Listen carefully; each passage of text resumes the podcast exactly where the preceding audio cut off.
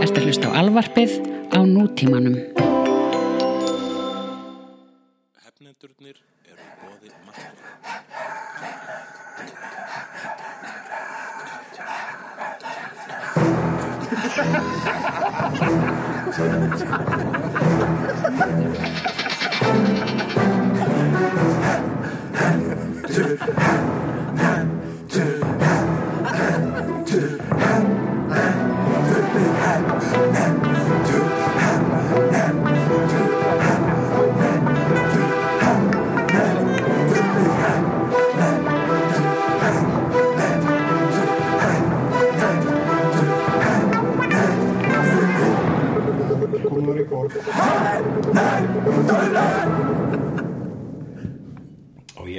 tala með munninu mínum. Já, ég uh, er með þér núna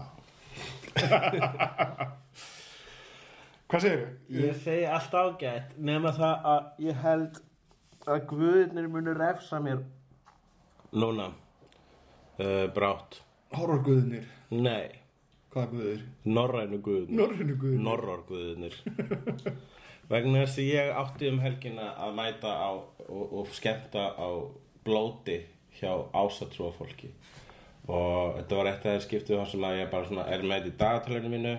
Ég er búin að, já, alveg munur rétt, þú veist, bara plana, það var sko grínhátti líka um helgina. Já. Það söfnumst saman fullt af grínistum og eitthvað svona flippurum upp á svið og sagði eitthvað vitleysu.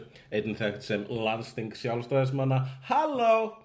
Ég er að sjálfsögða að tala um Reykjavík Comedy Festival. Það er þetta líka landsting ungra eða vinstri græna Ég veit en þú veist við, við gerum frekar grína sjálfstæðismennum Já, þó að vilstu grænir eru aðstæðlega líka. Finnst það megi gera grínað með öllum samt. Jú, vissulega.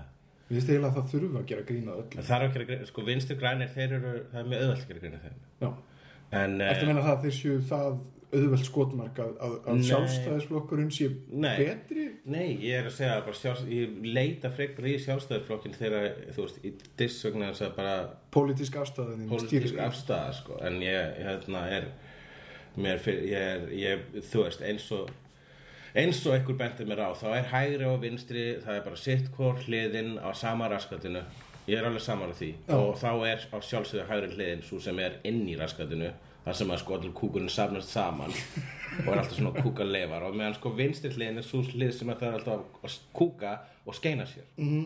en bæði er þetta raskat. Já, og þannig að þú veist uh, það kemur svona reglur um kúkur frá hægri yfir á vinstri og vinstri er alltaf bara dammit og það er að skena sér. Finnst þér þetta ekki að vera mjög góð myndlíking af pólitík? Ég, ég er að reyna að átta mig á því ligg, eru við þá svona í læstri hliðarlegu á vinstri hliðinni þannig að það er aldrei hægt að komast á klósitið uh, sko, í það sem samfélag. sem samfélag sko ef við tökum þessar lí- líkingur lengra þá eru sko kostningar og því pólitíska kerfi er svolítið eins og byðröðin á klósiti inn í, í matabóði þar sem eitthvað var með salmonul kjúkling. Já, og þannig að það er úslega löng byrjuð allir bara, ó, það er ókýrslega mikið að hleypa þessari drull út af rassinum á mér. -hmm. en uh, á meðan er sko einnarni inni á klostinu óslega lengi og hann er að í svona fjögur til átta ár. Já, og hann svona og hann drullar í klostið og út af klostið á setuna og einhvern veginn bak við klostið og upp á veggin á staði sem hann bjóst ekki við að vera hægt að drulla á að meðan er hann inni. Svo kemur hann út bara svona Woo!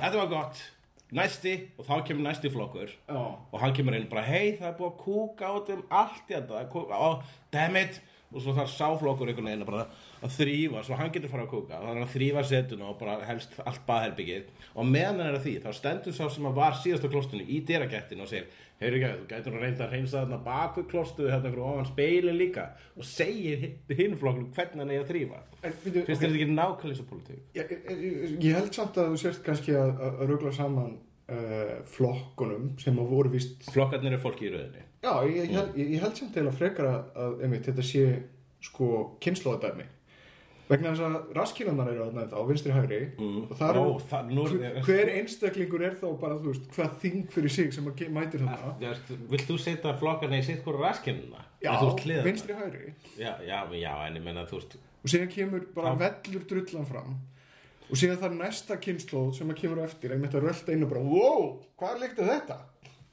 Jó, að vissulega, ég menna, við erum með mjög svip, svipa pælingu, hvað var það? Ég, ég er umverulega bara að vinna út frá þinni pælingu Jú, jú, þa- þannig að þú vilt segja meina að hver einasta, þú veist, Ég, hver er einasta pínu- flokkur er bæði hægri og vinstri, þú eru bæði með hægri og vinstri raskinar. ég, ég vil bara meina það að pólitíkin sé hvers tíma fyrir sig sé gesturinn inn á klóstunum með sammánulega kókun Já, það, að þú veist, það er sama hvort að þú sért að vinstri grænir eða samfélkingin eða sjálfsæðarflokkurinn Já. eða framsóknarflokkurinn, þá myndu alltaf þig ókslega mikið út á klóstunum. basically. Já, jú, ég held að það gangi alveg það er bara, þú veist, já, veist, já, síðan er fólk kannski með mismunandi drullu? Uh, búið, búið að borða mismunandi slæman kjúkling?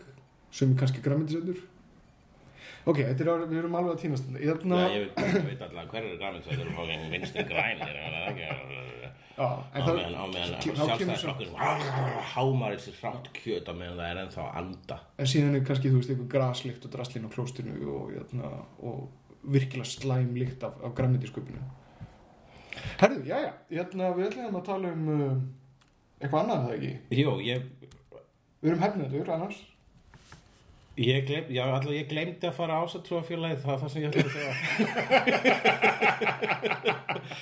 Ég ætlaði að byggðast afsökunar eitthvað frá ásatrúafélagin en núna hlusta, ég ætla líka að senda afsökunar bréfa eftir. Uh, að ég bara einfallega gleymdi því ég var búin að plana alla vikuna og ég var búin að svona, já, ok, ég fer hérna og, og skemmti ásatrúfélaginu og svo fyrir á uppistöndum með Dylan Moran sem var geðveikt og, og fer síðan meira uppistand en ég bara greinilega hlakkaði svo mikið til að sjá Dylan Moran að ég bara gleymdi þessu á deginum. Ok. þetta gerir stundum að maður planar eitthvað og man það alla daga fram að atbyrjunum svo gleymir það því þegar það gerist varstu þú með alveg svona grilljón missed calls og eitthvað svona dæmi? Nefnilega ekki vegna þess að þið voru ekki með síman hjá mér þannig að þetta var svolítið mér að kenna. Ah. og manageri minn, hún sá þetta á uh, sínu dagatæli en hún hugsaði, æ, Hulli er alveg með þetta hreinu. Hann var búin að byggja mig um að skutla sér ef að þú var lag þannig að allavega, hún er þá búin að læra það að það er ekki hægt að treysta minnunu mínu. En uh, við uh, núna uh, er að nálgast næstu helgi er þessi stórkostlega alþjóðlega Já. hátíð hryllings og óhugnar Næsta lögadag hrekja vaka. Já, sem er rosalega flott íslensk þýðing á Halloween. Þó að sé ekki einu sinni bein þýðing að neinu leiti svo Halloween er stytting á All Hallows Eve eða allra heilaga kvöld eða allra heilaga messa eins og stundum er að kalla mm. sem er eitthvað og kristilegt en á sama tíma heiðið það er einhver svona, svona kynblendingur af, af heiðnum og kristnum síðum eins og svo margar hátíðir sem jólin eru raunin líka ég meina koman, hvað er jólasveitin annað en frumuguðurinn Þór mm, já. og hérna þannig að uh, en, en rekkjavaka er rosalega flott orð og það er og Hvað, hver, Ma- hvað, hver á heiðurinn að þessu? ég veit það er ekki hmm. er okkur einhver blaðamaður eitthvað svona hjá þjóðviljanum hefur skrifað þetta eitthvað svona. einhver vinstri gæll hjá þjóðviljanum um, já Hún hétt uppalega Sam Hain Sam Hain er það ekki Shaun Andri á Söður írsku. að Batman 1 nei það er Sam Ham Það voru færið að þakki fyrir uppskýru sumarsins og bóðu koma vetursins. Já, þetta er svona hérna uh, þetta er úr svona kel, keltneskri þessi, grí, grímudæmi, grímubúningadæmi það kemur úr svona kel, keltneskri keltnesum og líka við ætlum að fara til það út úr úr þegar fólk var að tilbyða Dionysus Já, reyndar á, á Íslandi þá var þetta uh, hátíð sem hétt vetra, veturnætur mm. Þannig að þetta hefur alltaf verið til á Íslandi. Já, og síðan var kirkjan sem að, þú veist, reyndi að taka yfir með því að kalla þetta allra heilaga messu. Já, kirkjan. Mm. mm The real capitalist. Já, síðan var dísablót eitthvað svona Þetta er allt sami tóbaki sko Já, Þess vegna finnst mér alls aðstænd til fólk talar um að, eh, að viðhalda einhverju þjóðarmenningu. Við erum alltaf að þessu saman. Alltaf menning, menning okkar hefur verið smitað erlendu menningum frá upphafi. Þannig virkar menning. -hmm. Það er engin menning sem fæðist bara í einu, e- einu þjóðfélagi nema sem við talum um þú veist Papa Nýju Gíníu eða eitthvað þú veist og, þa og það er fólk að borða fólk þannig að já já, þannig að þú veist, ef við erum að fara út í þannig innbrýtt þjóðmenningu þá skulle endur fara bara að geta hvort annað mm bara go all the way. Það er líka mjög svona Halloween-legt það er svona mannættur og Jétum fólk, getum fólk. Allra heilaga messa. Þú Jétum ert það sem að getur, ég er maður. Hérna, en já, í tilefna því að það er, að hrekja vakar á liðinni uh, þá ætlum við að taka 20 bestu hryllingsmyndir mm í yngri sérstakri röð og við höfum eftir að gleyma tónaðum Við hefum eftir að gleyma tónnaðum, þetta er búið að stressa mig mikið. Ég gerði hérna lista. Leikurinn er eins og annarlega að við skiptumst á að telja upp myndir. Ef að þú telur upp mynd sem er á mínum lista þá má ég ekki telja hann upp. Heldur þá nota ég eitt af mínum varamyndum. Þannig ég taldi upp, ég skrifaði hérna niður alveg 24 hryllingsmyndir hjá mér. -hmm. Og svo muni ítast niður af þeim, af topp 10 listanum mínum eftir, ef að þú skildir koma með uh, sömu mynd sem mun vafalust gerast. Það eru svo ógeðslega margar góðar hryllingsmyndir til þannig að ég er alltaf að vonast þess að þú komið með myndirna sem ég gleymi Ég er vonast til að þú komið myndir sem ég gleymi En ég setti í toppin hjá mér Þá setti ég sko Ákvað ég að skipa þessu eftir náttúrulega uppáhalds Frekar en uh. Það sem er officially best. Ég gafst upp á því að skipi upp á alls þannig að ég valdi nokkurn veginn á handtófi af 20 myndalista sem ég bjóð til. Ok. Uh, vegna þess að þú veist, þær, þær eru allar upp á alls ég er ekki að velja einhverjar, einhverjar myndir sem ég, mér líkar ekki við sko. Já, ég myndi segja að það sem er Það er af- Tíu lista, sko, þetta er líka svo ólíkar myndir. Já. Hryllingur skiptist svo marga undirflokka. Mm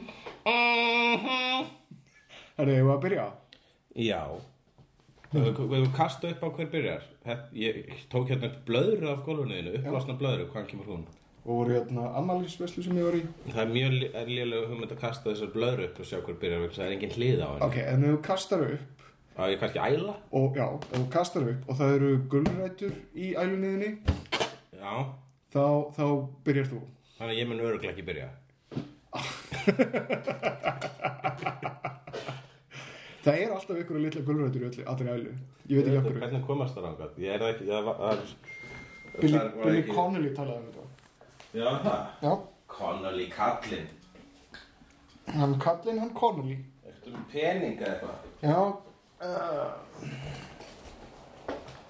hérna, hérna er peningur Ok.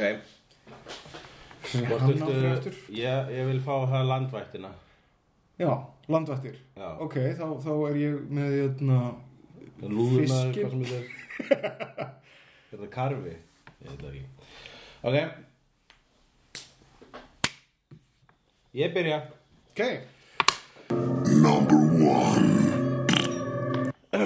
Ég ætla að byrja á að minnast á eina af mínum allra, allra, allra uppáhalds hryllingsmyndum. Mynd sem að komir svo skemmtilega á óvart mm? í bíó að ég gekk út af henni dasaður og hugsaði þú snild var þetta já og hún er byggð á eins og margar góðar hryllingsmyndir á uh, bók eftir Stephen King mm? Uh, sem heitir The Mist og er held ég smásaga. Stephen King til að byrja með. Eins og það er og uh, það er uh, hún, var, hún var líka, hún breytti svolítið endinum frá þetta er eina á þess að við spoilum frekar þetta er eina skipti sem ég veit um bara ever í kvikmyndum að hljóta að vera til önnur dæmi, þetta er eina sem ég man eftir að uh, kvikmyndin er með verri, þar að segja svartari, myrkari mm. anstíkilega anstíkilegri endi heldur en bókin. Bókin endar með von en uh, myndin endar með já, einhverju allt öðru. Algjöru vonleysi og óhamingju, já. Já, og uh, ég ég veit að þú veist voru tölum við þegar við veldum bara topp 20 bara uppáhaldsmyndina okkar ever mm. það, það voru held ég nýju myndir á mínum lista voru hérna enduð illa þannig að slæ, myndir sem enda illa það ger eitthvað fyrir mig já veistu nokkuð af hverju? uh, það er bara ég veit ekki alltaf sé ekki bara það að maður, það, er- maður er með svo mikið áfram alls konar hugarfar og, og, og það er bara það er einhvern hressandi Mm. það er einhvern hressandi að, að myndir enda öðruvísi heldur en að allt reddist það er bara svo, það náttúrulega er það, það sem er kallað Hollywood endir það sem að allt endar vel Mm. og það er bara hressandi og maður fær svona smá von maður, maður, já vonmanns eða trúmanns á Hollywood endurbætist þegar maður sér mynd sérstaklega mynd, stóra mynd með tæknibrellum Þetta var, þetta var, nú samt ekki sérstaklega stórmynd hann Frank Darabont gerði hana fyrir, fyrir svona tiltölulega takmarka fjár. Já, en við erum samt að tala um mynd sem fór í bíó og eitthvað. Já, já, en hún kostiði 80 miljónu dólarar sem er alveg, alveg slatti en, en, en samt svona. En þarna, þarna líka sko þessi það er ágættis þjóðfélagsáttalega í þessari mynd. En minnst tímst þinn símur er hringja Já, hörðu, ég þarf að taka þetta. Já. Þurfum að pása. Mm. Batman sko. Halló? Sætla blessaði, hvað segir hann? Já, Ég var, ég var bara að segja að það er náttúrulega þjóðfélagsáttalega í, The- í hérna, The Mist. Mhm. vegna þess að það er það er uh, s- myndin er næstuð í bottle episode að því leiti að hún gerist öll á sama mest megnis á sama stað. Já, gerist öll í uh, grós, stórmarkaði í litlum bæ eins og allar Stephen King sögur gerast í litlum bæjum.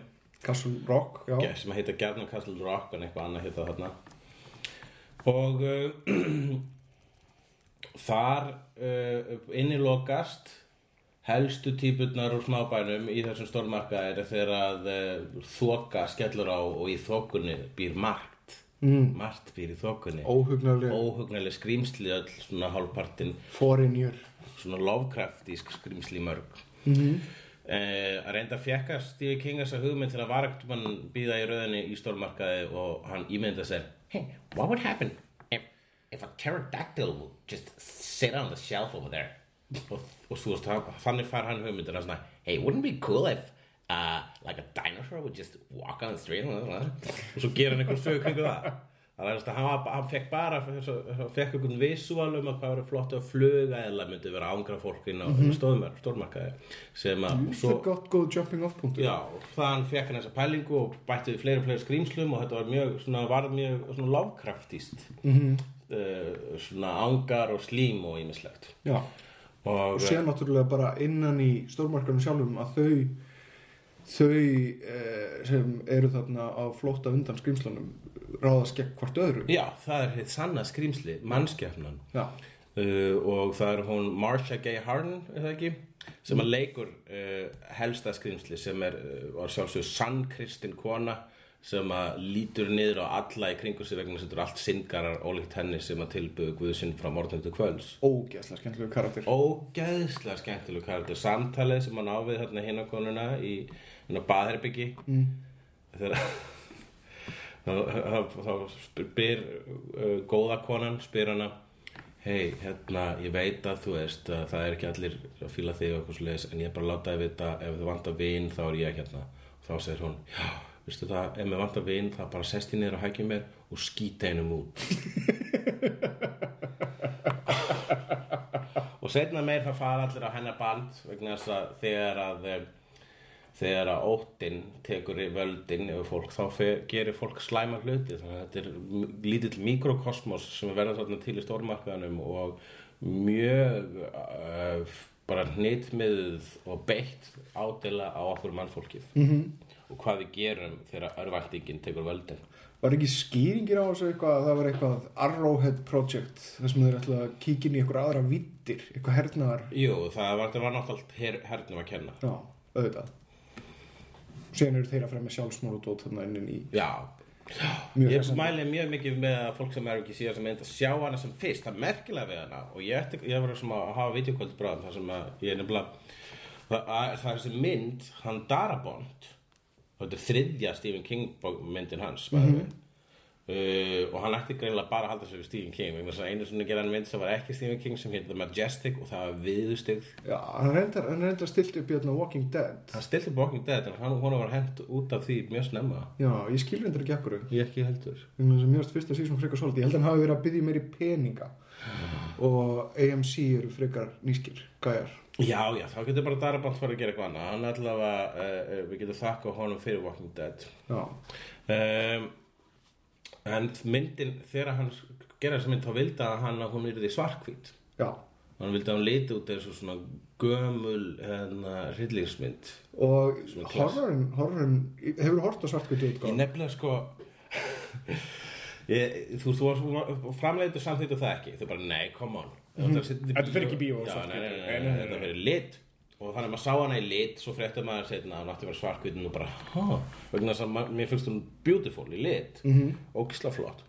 Um, En ég kefti síðan special edition á DFT þar sem var bæði svartkvít útgáfan og lit útgáfan ég hugsaði alveg bara, getur maður ekki bara desaturate á skjáin og þar maður lit útgáfan, þar maður svartkvít útgáfan Það er enda reitt skilur, það er búið að stilla skuggana og Já. byrtusti og annars lit búið að gera meira en bara ég veit það, það er bara svona það er eitthvað, það er eitthvað, eitthvað fyndið við það að það er bara svona annar diskur sá sem getur horta á þetta svartkvít og ég byrjaði að horfa á þetta þá var þetta kæristu minni á hérna myndina í svartkvítu og ég eftir bara fimm mínútur ég bara meikaði það ekki. Ég bara nei, þetta á að vera í lit. Ok. mín mist er í lit.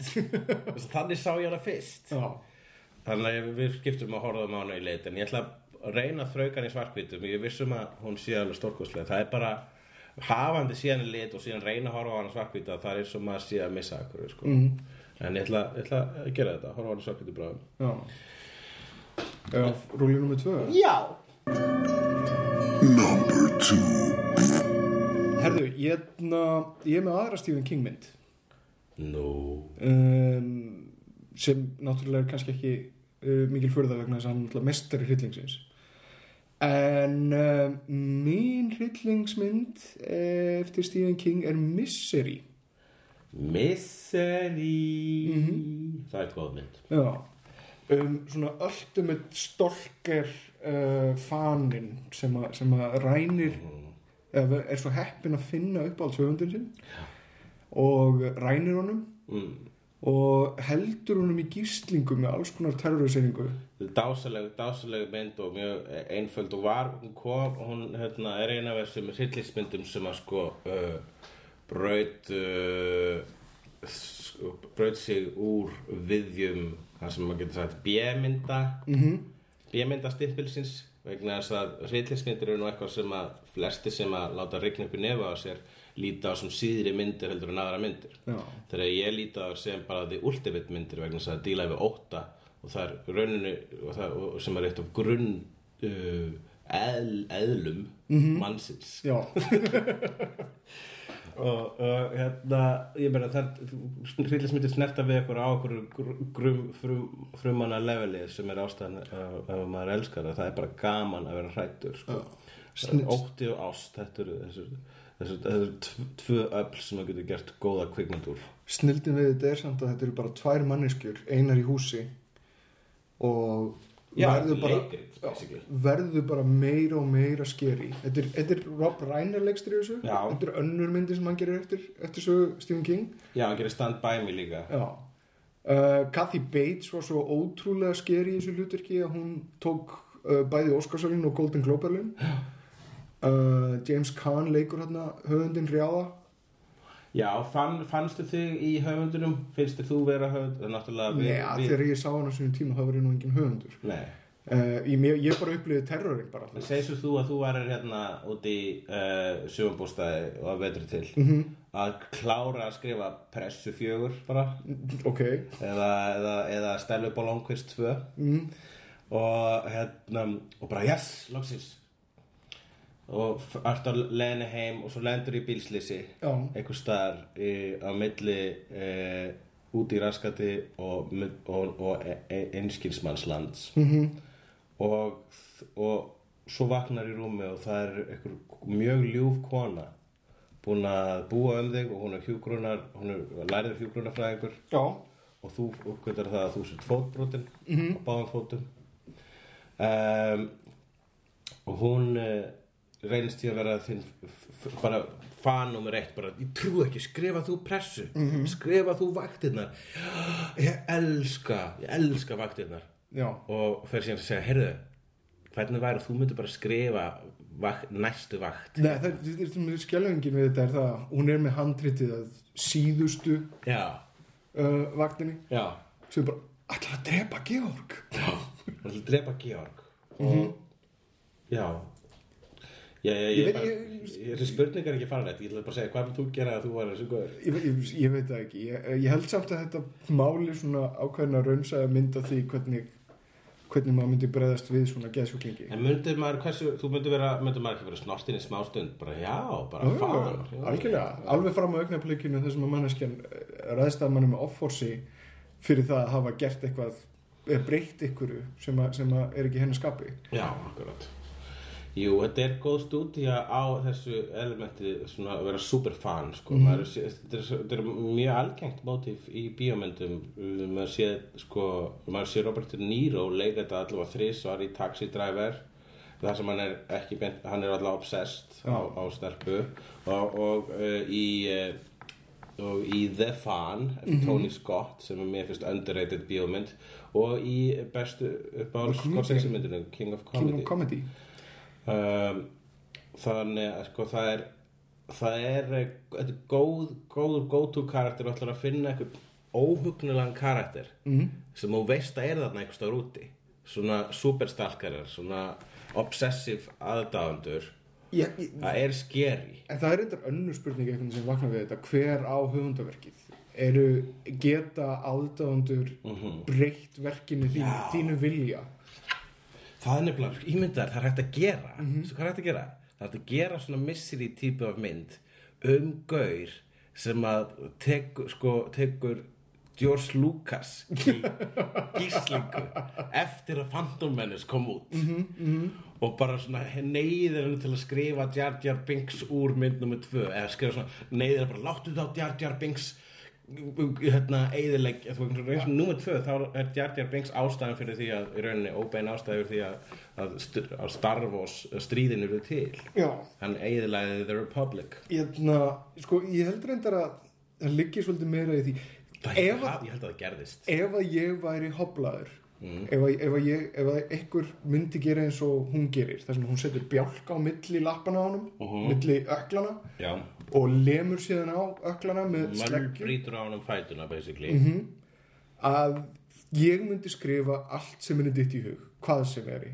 Þetta eru bara orða pappir það, bara, það myndi ekki skipta mér nokkur máli. Ekkert mál, ekkert mál, ég skal bara skrifa þetta allt saman. nei, nei, nei, nei, leiðu niður sleggina, ekkert mál. Ekki, ég, ég, ég skal skrifa þetta. Þú gætir það líklega já. þetta, jú, ég þetta er ekki líka ágætis kvati fyrir mig vegna þess að ég þjást mjög mikið að reitstýplu eða bara svona, ég, ég er stanslust efins um allt sem ég geri.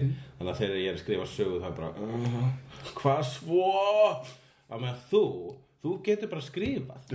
Viltu ekki bara að hún fái ís eða eitthvað? Jú, Þú flott, hún fær í ís. ég það mjög hver, aðdánavert hver, hver var upp á alls elsku hennar, Mr. East Chastain? Já, ok, ég skal bara henda þú myndir geta klára, þú getur, þú getur jafnvel skrifaði úr þessum hérna, vandræðum algjörlega já, hmm. Ég held að ég myndi gera það, ég myndi algjörlega fórna öllum prinsipum til þess að sleppur þessari Þetta er prísu. rosalega kvíðinu með það sem ég er að gera rétt Ég líða svolítið eins og þegar ég var að skrifa fyrir þjóðleikursu síðast Ég bara svona, ok, eru það ána með þetta?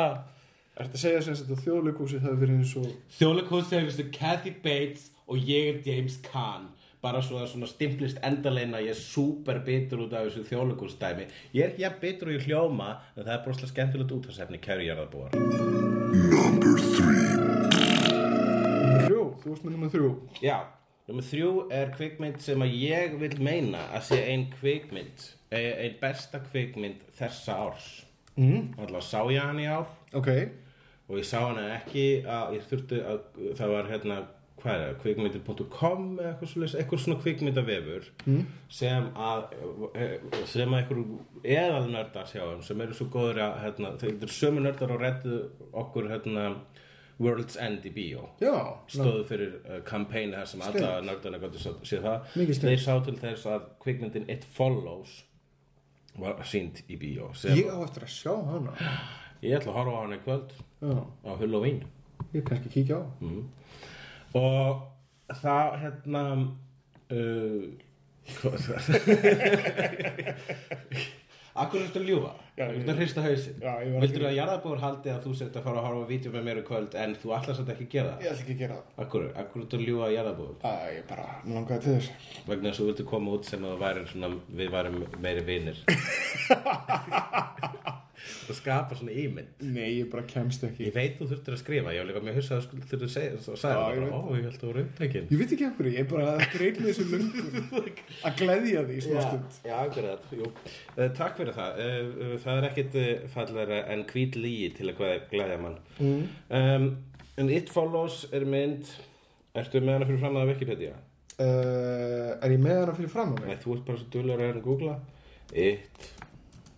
Follows Ég meina það eina sem ég veit um mitt follows er það að Quentin Tarantino hafði eitthvað að segja um, um það að hún var í frábær en, en hann fylgdi ekki alveg reglum skrimslisins Hann fylgdi ekki reglum hún höfundurinn og, og, og, og, leikstjórinn Já, ég sá ekki neina plotthólur þar þegar ég fór að du, þetta er nefnilega hræðilegt Ætlar að fara spólinu fyrir mér Nei, ég ætla nefnilega ekki henni fyrir þér. Ég ætla bara að reyna að tala um hana eins, uh, eins trailerlega og ég get, Ok. eiginlega bara teaserlega. Já, Uh, hér er, þetta er uh, hræjódýrmynd. Ég veit ekki hvað hún kostaði, en hún, jú, hún kostaði 2 miljónir. Og, uh, hún er rosalega minimal og hún, þetta minnir mann á sko The Early Days of the Slasher til dæmis Halloween eftir Carpenter þar sem að vanefnin voru styrkur myndarinnar Já. það sem við sáum ekki var það sem gerði það að verkum að vorum hrætt og það er náttúrulega grunn element sko. að sína of mikið er mistök uh, besta dæmi um það er að bera saman myndunar Haunting og Haunting endurgerðina sem að hann Jan de Bont gerði að klassísku myndinu Haunting. Það sem að sko Haunting síndi ekkert nema einn draug í hálfa sekundu -hmm. en uh, The Haunting eftir Jan de Bont sýnir miljón drauga, super CGI og sem er það lítið út þessu Kasper og enginn er hrættur já. í lokin. Þessi mynd uh, skrýmslið í þessari mynd er í rauninu ósynulegt en samt ekki. Og um, það er útskýrist ekki nema þú sjáar myndina -hmm. en það skapar mikla paranói meðal uh, persónumyndarinnar og, uh, og áhorenda uh, það eru eðalbregðu atriðinni hún er super creepy Það sem er skemmtilegast við hana að hún brýtur, þú veist, eins og allar góðar svona, svona tímamótar hryllismyndir gera, það brjóta reglur hryllismyndina. Mm -hmm. Ein af uh, reglu, ein af gömlu reglunum sem reyndar varð úrelt stutt eiginlega bara um leið og skrím eitt kom Já, Það var svo að eh, personur í hryllismyndum mega ekki stunda kynmög vegna þess að þá eru orðnar skítur og skítur sóðapissar og eiga skilað að deyja. Mm. Í þessari mynd er eiginlega á þess að ég segja of mikið eina leiðin til þess að lifa af er að hafa kynmög. Þannig að hún tekur sko slött shameið sem hefur búið að vera í mörgum slassimyndum á undan og snýri við og gefur bara fyrir, fyrir ekki að vill lifa af þá verður að vera slött. Er hún, er hún Er þá, er þá skrimsli kynnsjúkdómur?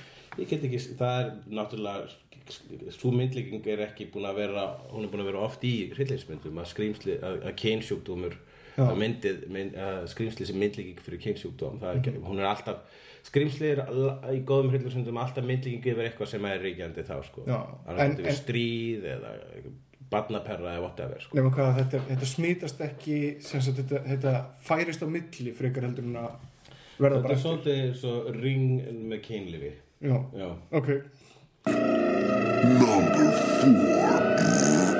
Um, Næsta mynd. Númer tvö hjá mér. Númer fjögur í lestri. Mm. Uh, Þetta er mynd sem við erum báðir búin að mæra svolítið í hefnendum. Já. uh, og ég ætla bara að bomba hérna inn núna. Uh, Martyrs. Já, þá dettur hún út af mínum lista. Þetta er, þetta er bara ein uh, rosalegasta hryllingsmynd sem ég sé í mjög, mjög langan tíma sem að e, ég ætla aldrei að horfa aftur. Ég. Held ég ætla að sjá hann aftur. Já. En við, við tölum um hana sko. Að hérna þegar ég sá hana þá var þetta, þetta var svolítið eins og þegar við vorum í svörtum sunnudöðum með forbúðin februar þar sem við síndum myndir sem hefur verið bannaðar á Íslandi áður fyrr mm. in the dark ages eða 80s eins og ég kalla það mm -hmm.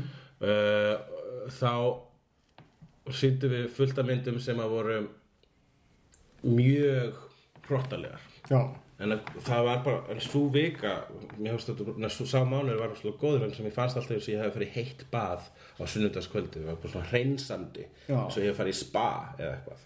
Svona eins og ég hefði látið vera að flengja úr mér ítla anda. Þannig leiði mér svolítið eftir Martyrs að ég var búin að horfa svo mikið hrylling að ég var bara svona soðinn eftir á. Þetta rýmur svolítið mína upplifun vegna þess að e, e, maður er einhvern veginn tegður eins og strengur út í gegn. Já. það er alltaf tósa fastar og fastar og fastar. Það verður erfiður og erfiður að horfa og síðan þegar maður kemur einhvern veginn út í gegnum hinna hliðina. Það tekur svona mótum manni englasöngur og, og, og þem og efni myndarinnar rýmar nákvæmlega við upplifun af, af því að horfa á myndina Þetta er einmitt uh, vegna þess að hún ke- kemur að hápunkti torture porn stefnunar sem að mér skil ekki akkur að fólk kallar ekki Gornoga free sem að er miklu betri eða bara Gorno Gorno líka. En þá svo gerði þetta vinsælt að sína myndir sem að væru þar sem að svo á hostel líka. Þar sem að sína sko hryllingin up close, sína splatterinn sína pyntingarna, þetta er öfugt við draugamyndina sem sýnir ekkert. Þarna fyrir hinaleðina og sýnir sko líkanlegan sásöka mm -hmm. Pyntingar basically. Já, uh, í nærmynd og það er, maður bara keipist til og bara á erfitt með að skoða þetta, að horfa á þetta og, og það geta hort á mjög mikið af svona myndum það finnst mér skrítið sko, maður þarf að taka sér pásu sko, mánaða pásu að milli svona mynda. Það er eins og hún sé svolítið svona hugmyndafræðilega skild 120 dögum og sódómu. Já, vegna þess að hérna er ekki bara tilgangurinn að uh, sína að þú veist að fara við strikið að augra áhörendunum heldur einfallega er hér verið að ræ, er viðfarsefnið er pyntingar. Mm -hmm. og Og- mynd um pyntingar. og þetta er mjög dark allt saman. Það sem er flott við hann líka er struktúrlega þá er hún óaðfinnanleg. -hmm. hún er æðisleg sem hryllingsmynd vegna hún er raunin þrjár hryllingsmyndir í einu enda finnst mér þetta fyrsti bara þáttur er bara óksla óleikur öðrum þættu og annar þáttur breytist þetta breytist. Þetta mm svona, mikið þróun í þessu. En alltaf super skeri og ógeðslegt Já. Já. en ég, nei, ég veit ekki, eins og ég segi ég, ég upplifði Martyr sem einhvern veginn ultimate hryllingsmyndina hún er, hún er hryllingsmynd um hrylling og hryllingsupplifuna Já. og hvað, hvaða áhrif það hefur á manneskina Já. og sem slík er hún bara beautiful Já, mér finnst þetta vera, finnst hún vera svo ógeðsleg, svo hræðileg, svo myrk að hún er gullfalleg. Ég, eins og ég segi, ég var bara mjög erfitt með að hugmyndina um það að horfa á horfa á hann aftur Mér finnst mjög gott að okkur tótt að tala um hana á þess að segja rauninni neitt frá henni, heldur bara að tala um hvernig okkur líður Já. og hvað hún táknar. ég held að það sé bara bestum mitt að fara í hana svolítið hrein Já, algjörlega. Kíkja á hana og horfa á hana með börnum ykkur og fóreldrum. Uh, já, það koma mér. já, Já, mér finnst kannski að ég ætti hérna íta einni mynd upp sem að bara rýmar svolítið við Martyrs sem er mynd eftir uh, austuríska leikstjóran Mikael Haneke mm. sem er annur hryllingsmynd um hryllingsmyndir -hmm. sem að uh, er uh, rauninu orðið svona postmoderniska hryllingsmyndir eru orðan svo margar og þær eru orðin einn af undirflokkum hryllingsmynda -hmm. En uh, hér er ég að tala um kvikmyndina. Amor um, uh, um skelvingu sem fylgir uh, Alzheimer upplifun og Ég er að tala um Funny Games frá 1997 og þess vegna er alveg eins hægt að setja tvær myndir í þennan, þetta, þessari hillu hér í þetta fymta sæti. Endurgerðina sem er alveg nákvæmlega eins. Já, endurgerðana frá 2007 sem kom tíu árum síðar sem Sýrkjö, ég þarf að eða hérna á listanum mínum og velja ykkur aðra. Það varst um Funny Games. Þannig Funny Games er sko Það er nefnilega bara tortur að horfa á hana. Já, uff, ég, ég, sko. Ég horfði á hana með uh, veikora minni og uh, þáverandi kærustu minni. Mm. og uh, uh, og ég skellti því á hans að vara við. Þetta er eitthvað sem ég hef gert stundum við, við vinni mína. Og En þetta er mjög vel liðin og vinsæll maður. Hei, fólk hefur gott að því að sjá svona. Ég þóla ekki að fólk að alltaf ég horfi ekki á hryllingsmyndir. Ég bara, jú, horfðu á eina. Það er gaman að vera hrættur nei, það er ræðilegt það er pínu gaman, nei, ég vil ekki. Það er vegna svo þú vilt ekki lifa.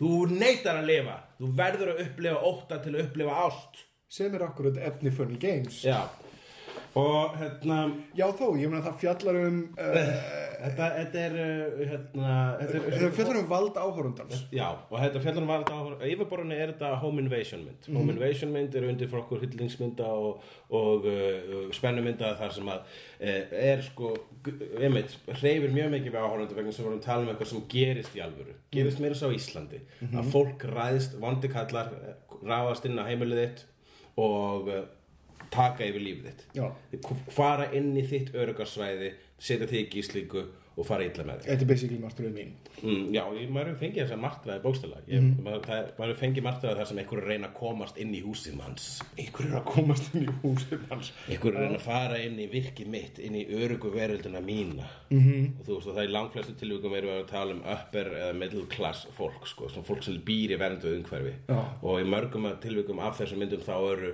einmitt þeir sem eru brjóðast inn eru einhver úr sko, lower class Mhm. einhver svona uh, fátæki glæpamenn Meina hugsaði bara um það hvað út þeirra hurðin hjá þér er í raun og veru veikbyggð. Ég veit þetta Ef einhver ætla sér að komast inn með valdi, með öllu, öllum tiltækum ráðum. Þetta er bara tréplata. Það er bara tréplata sem skilur þig að frá hryllingi heimsins. Já. Þess vegna áttu að horfa á hryllingsmyndir til að undirbúa þig. Þannig að þú verðir með hafnaboltakilfuna undir rúminu. En raunin er svo að eins og þú segir þá er hérna Funny Games uh, um, uh, hún er um hún er, hún er ekki bara sko, hérna, um hryllingsmyndir. Hún er aðalega um af hverju hún er, hún er svolítið verið að dissa eða svona. Hún er rétt að dissa áhærendur Hún er á augra áhörundanum, hún er að segja við áhörundan Sko, þú getur hægt Þú vildir sjá fólk deyja. Þú vilt það. Já, Þess vegna er þetta að gerast. Já. Þetta er að gerast vegna þess að þú vilt það. Já, þú komst á þessa mynd til að sjá fólk vera pintað og lamið.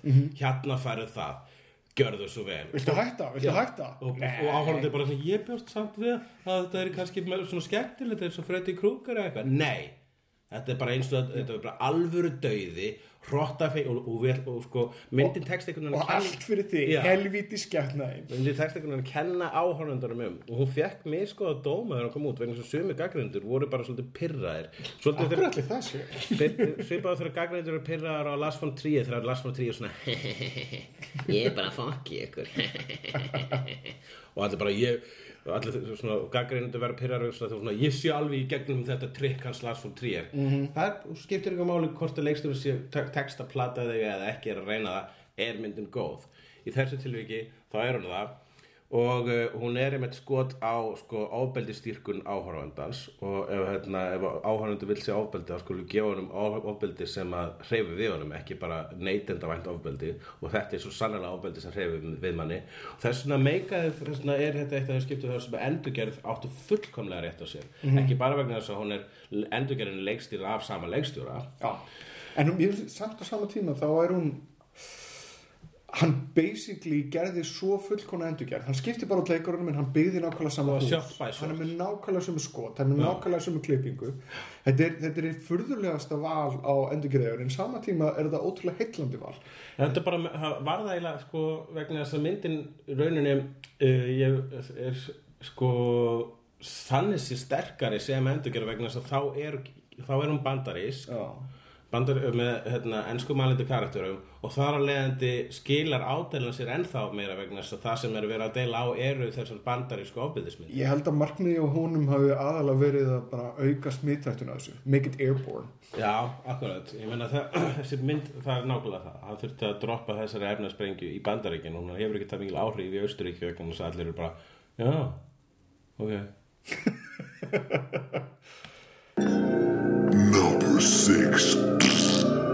Hérna, næsta mynd myndi vera hjá mér Eden Lake. Já, sem, er, sem er hoodie horror. Já, það er húti horror. Já. uh, Ég nefnilega óttast unglinga alveg rosalega mikið. I am still afraid of teenagers. Já, ég hef séð nokkra húti horror myndir. Einn heitir F sem er skemmtileg þar sem að uh, uh, hútiðarnir eru að ráðast á kennara. Já, En ég, þessi mynd rataði næstu það á minn lista Hún er mi miklu uppáldi hjá mér. Ég, er bara, ég hef nefnilega síðan alveg þrísvar og hún, er, hún heldur mér alltaf. Og hvað, hvað svona kallast þetta húti horror? Já, það, að það eru unglingar í hettupeysum sem er, eru kallaðar hoodies í, hérna, í Breitlandi Já, þetta er svona, svona svolítið, þú veist, þetta er margir lítið á þetta sem þjóðfélags vandamáli Breitlandi. stjórnlausir táningar Já. sem að hafa ekkert að gera eru bara hangandi um og koma sér í vandræði og eru algjörlega samvinskulega sem öllu besta, hettupeysu já, morðingjarnir það ef að, hérna, fyrir fólk sem er sérstaklega hrætt vúlinga þá mæli ég með Harry Brown sem ég myndi segja sér besta gamli kall eh, sparkari rassamyndin -hmm. Þar sem að Michael Caine er að lemja uh, litla hættuklæta úlinga einstaklega rewarding að horfa á það. Það er fallet reyndar eh, maður, ég vildi óska að það hefði verið einhver Harry Brown hann Nei, þá í hefði ítileik hafði ítileik ekki samt ekki orðið að því sem það var. Og að hún, hún er með svo lítið skilur, þetta eru bara tvær manneskir sem eru á flótta undan þessum, þessum, þessum geðsjúku unglingum uh, anstíkilu mannverum sem að eru bara algjörlega búin að missa tengingu við samúð og samkend og, og, og, og eru bara mjög illa upp aðlið pakk Já, þetta er sko, þeir, þeir þetta eru sko svona white trash, þetta eru svona Geordies. Já. Uh, sem, sem, sem er svolítið svona hnykkurinn í enda já, það er sko, það er, það er einmitt þetta að hér er, svipað með home invasion myndir, hér er skrýmslið eitthvað sem er til í alvörunni. Þannig að þetta er ekki yfirnáttúrulegt, þú ert bara svona, svona alltaf þegar maður labbar, er að labba á út á götu og það, svo sér fram á það að þú ert að fara að labba fram hjá strætóskýlir sem er fullt af úlingum sem eru að hafa hátt og eitthvað svona með læti. Og maður bara, ó nei. Að eitthvað innra með manni segir mér þessi skrýmsli litlu hættu klættu skrýmsli þarna þau geta drepið mig -hmm. þau geta sig í mig og getið mig lifandi við Já, þau munu niðurlæga mig og síðan drepa mig og síðan eiga mög við líkið mitt. -hmm. Þetta er allt sem að fyrir gegnum hausnum á okkur öllum þegar við séum múlinga. Já, vegna þess að þeir eru svo ódreiknulegir Já. ég veit ekkert hvað þeir eru að hugsa Þetta eru korki, þetta eru korki börni fullar af fólk, þetta er eitthvað svona millistigs mutant ástand sem mannskeppna fer í, þar sem að eh, þau skilja, veist, þau eru með þau eru með sko hérna, klær og tennur fullorðna dýrsins Já. en eru með hérna, síðlausan huga barnsins. Og er algjörlega eh, sko, full ástæða til þess að óttast þetta. Og, og þetta og Eden Lake spilar og er, myndi ég segja sé besta hótt í horrormyndin uh, spilar rosalega mikið inn á þannig nóta já, Number seven. þá ætla ég að segja. Mynd sem að er uh, í undirflokknum sci-fi horror. Ah, Mm, og eh, er, er minnum að já, hún er, það er nú hægt að segja að John Carpenter, hann hefur nú gert margar drullu góða myndir og er erfitt að setja bestu myndirnar að, velja bestu myndirnar sem að myndir náttúrulega ég, ég, ég, mi- miklu uppáhaldi hjá mér er um, Escape from New York en hún er alltaf í stöður í baráttu við þessa mynd sem ég er að tala um um hvað er besta Carpenter myndin og þá er ég að sjálfsögðu að tala um The Thing eða John Carpenter's The Thing vegna þess að þetta er endurgerð á mynd eftir, hvað heitir hann? Howard Hawks. Howard Hawks. Og um, en uh, ég hef aldrei séð Howard Hawks myndina. Ekki heldur. Vegna þess að ég bara ég hef hún, ég vissum hún sé fín og hún er, hún, er mjög mikilvæg mynd. Hún svipaðar til uh, Invasion of the Body Snatchers. Hún spilar inn á paranóju fólks og var komið mitt uh, út þegar fólk var hætt við kommunista og þannig að þú veist myndlíkingin í, í eh, analógian í gömlu myndinu var sá bara "Hó, hver sem er gæti verið kommunisti uh, en þarna mm, frá þessari mynd sem er frá hvað 1982 Já. 1981 The Thing. 82 82 um, þá uh, spilar þá notar Carpenter miklu meira en bara paranói mannsins til þess að halda uh, áhörundunum rígföstum í sætinu. Hann notar stórkostlegustu practical sæ- hérna, effects sem að hafa sem að bara sem að sést. En þann dag í dag er þetta beautiful. Ég hef ekki séð þarna þetta prequel þarna með Sam ég, ég hef séð það, ég hef séð það. Og ég bara mæli með því að láta það kjöft líka Já, ég hef engan áhuga á að sjá þá að það, þeir, þeir byggu til practical effects fyrir öll skot. Já, en síðan bara senstu stundu það ákveður að junka þetta allt saman í, í, og, og fara í CGI og það er bara, það vantar eitthvað svona áþreifaleg já, áþreifanleikin hverfur. Já, þarna eru stórkostleg slímskrýmsli og fengu cre- creature hönnuðnir að leika sér mikið og, uh, og af, þú veist þessum Lovecraft tísku myndum það eru ekki til nógu margar myndir byggða beint á sögum eftir Lovecraft. Ef það eru til þá eru bara eitt leikstur þessi leiksturinn og það er Stuart Gordon. Mm. en uh, það er það, þetta er samt mesta Lovecraft myndin í rauninni vegna þess að hún dílar við þannig eitthvað, eitthvað þetta, þetta svarta slím þetta slímið í myrkrinu svo ógislega vel, hún framkvæmið það svo vel og líka fyrir skepnan er svo ófyrirsjálega hvort verður hún sníillega kongóló næst? Hún bara, þetta er aðeinslegt en það er samt sko, þú veist, snildi við þetta finnst mér líka ekki bara í þessum body horror uh, viðböðu sem að skrýnsli skapar þegar því er ógnað.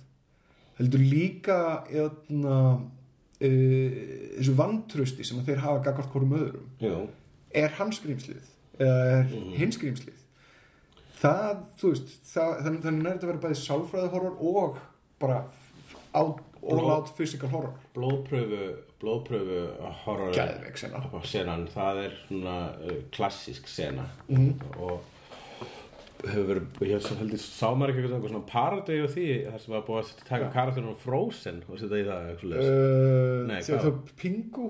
Pingu já. Það var fyndið. Jú, byrju, það var Frozen líka. Frozen líka. Þetta er alltaf Þetta er bara klassísk mynd og ég, ég, þú veist, bara upp á teknibrellurinnar þá, þá, þá er hún, hún ómissandi sko. Er, ég myndi segja flottustu skrimsli upp, mín uppáhald skrimsli í bíómyndum eða eitt af þeim sko. Það er ekki hægt að hætta að elska The Thing. Það er ekki hægt að elska the thing. Hægt að hætta að elska. Það er ekki, það er ekki hægt hægt, er Það er ekki hægt að hægta Það er auðvöld að hætta að elska The Thing En það er ekki hægt að hætta að elska The Thing Þegar þú hefur e- elskað það fyrst. I want you to play with my thingaling. Number 8. Næsta myndir uppáhaldsmyndi mín Eftir Guillermo del Toro. Mm. Og uh, það er draugasaga Sem gerist í litlu uh, sem sagt spænsku munaðarleysingahæli. Já, var 1989 á dögum spænska uh, borgarstrísins og uh, fjallar sem sagt um já, heitir Devil's Backbone. Já. Þér finnst hún betri en Kronos? Já, Já. Mér finnst hún bara að það, hún tengir einhvern veginn, það, það, það, er svo, svo mikil fegur í henni. En er ekki, myndur ekki segja að Kronos, Devil's Backbone og Pan's Labyrinth sé eitthvað svona trilógía? Jú, jú, jú, jú. og fjalla öllum, uh, það er bö- börn í, í aðhlutverkum í öllum já, myndunum. Það er hryllingur frá sjónarhörni barns. Já og það er það sem ég tengi kannski mest við. Já, ég elska að, að, að þeim mitt upplifa hryllingi gegnum augu bats það, vegna þess að það líka bara kveikir hjá mér þessar bara svona frum svona tilfinningar. Vegna þess að það er það sem maður sækir í þegar maður er að reyna að upplifa hrylling sem Já, bestan. akkurat. Hvernig leiði manni sjálfum sem barni Já, og eitna, þetta er í grunnatriðum eitna, þetta er einn flottasti draugur sem ég séð. Já, rosa flottu draugur en þetta er líka einmitt, hún er rosa ljúfsár þessi mynd, ala sár og hún er, hérna, þetta er sorg, svona sorgleg mynd. Og það er líka með fallegt drama í henni, sko, karakterin er rosalega mannlegir og dramað er rosalega gott. -hmm. þetta er bara svona góð mynd. Góð mynd og, þú veist, og það hefur veist, og hann hefur nú ekki alltaf gerst sigur um það Del Toro að vera með gott drama. Stundum er það rosalega glata hjá hann Ég nefnilega, ef ég á að vera fullkomlega hreinskilin þá myndi ég frekar vilja fá fleiri svona Del Toro myndir ef þetta drama hefði verið í Pacific Rim þá hefur Pacific Rim verið fullkomin mynd. Já, fullkomlega. En eh, hann, það, það týnist samt alltaf einhvern veginn í, í, ég veit að hann er frábær í þessu effektadæmi Já. og það lítur vel út og svona.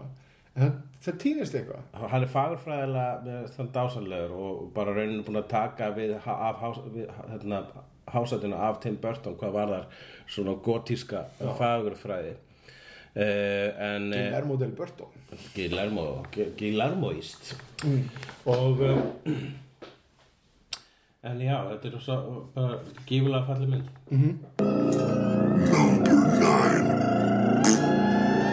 Ég er með hérna næst mynd sem að uh, heitir hmm, hvað á ég að velja næst? Allir maður verður ekki bara að segja uh, Vá, þetta er erfitt. Ég ætla að segja næst á listanum er Texas Chainsaw Massacre. Mjög gott val. Erum við að tala um endurgerðinu eða orginalin? Við erum að tala um orginalin mm. ekki það að endurgerðin sé eitthvað slór Nei, mér finnst endurgerðin vera eitt af þessum góðu endurgerðum sko, og, hérna, og endurgerðin hefur það fram fyrir fram yfir uh, orginalmyndina er að hún hefur karakterinn sem að hann hérna hvað er hann, Arlie Emery mm. þannig að Arlie Emery sem, sem já, leikur hérna, þekktastur fyrir að vera hérna, drill sergeantin í Full Metal Jacket sem að það sem var hlutverk sem var ein, all improvisað frá A til Z Já. hann er frábær improvisari og, uh, og er leikur oftast þessa típu sem hann leikur í Texas Chainsaw Massacre endurgerðinni sem er gaurinn sem öskrar á þig Já. en er með óendulega skemmtilega díalóg. Ég verið myndið að horfa á frætinu sem hún daginn og hún gleyma því að hann er hérna, Já, hann er draugur karaktersins úr Já. Full Metal Jacket í Frighteners mjög skemmtilegt. Það er aðeinslega mynd. En uh, Texas Chainsaw Massacre upprunulega myndin kom eins og uh, þruma á heiskjöru lofti er ekki hægt að segja það þjóra og nóttu, uh, blöytuska í aldið uh, sparki klóðið Spark í klófið á bandarækjunum þetta er mynd sem að gæti verið hluti af uh, óheilagri trílógíu mm sem að sem að þarf að segja það er hægt að setja henni saman flokk og uh, hinn óheila trílókía sem við vorum að kokku bara rétt aðan á kaffehúsi já, að þarna Psycho og uh, Silence of the Lambs og uh, og uh, Texas Chainsaw Massacre það er eiga það allar samanlegt að vera undir áhrifum frá samamanninum sem er fjöldamorðingin eða raðmorðingin réttar að sagt uh, Ed Gein já. Ed Gein er maður sem að uh, gró móður sína upp úr kirkjugarði og gemd hana í kjallara og saumaði föt úr húð og vildi klæða sig og vera eins og kona og þú veist þannig.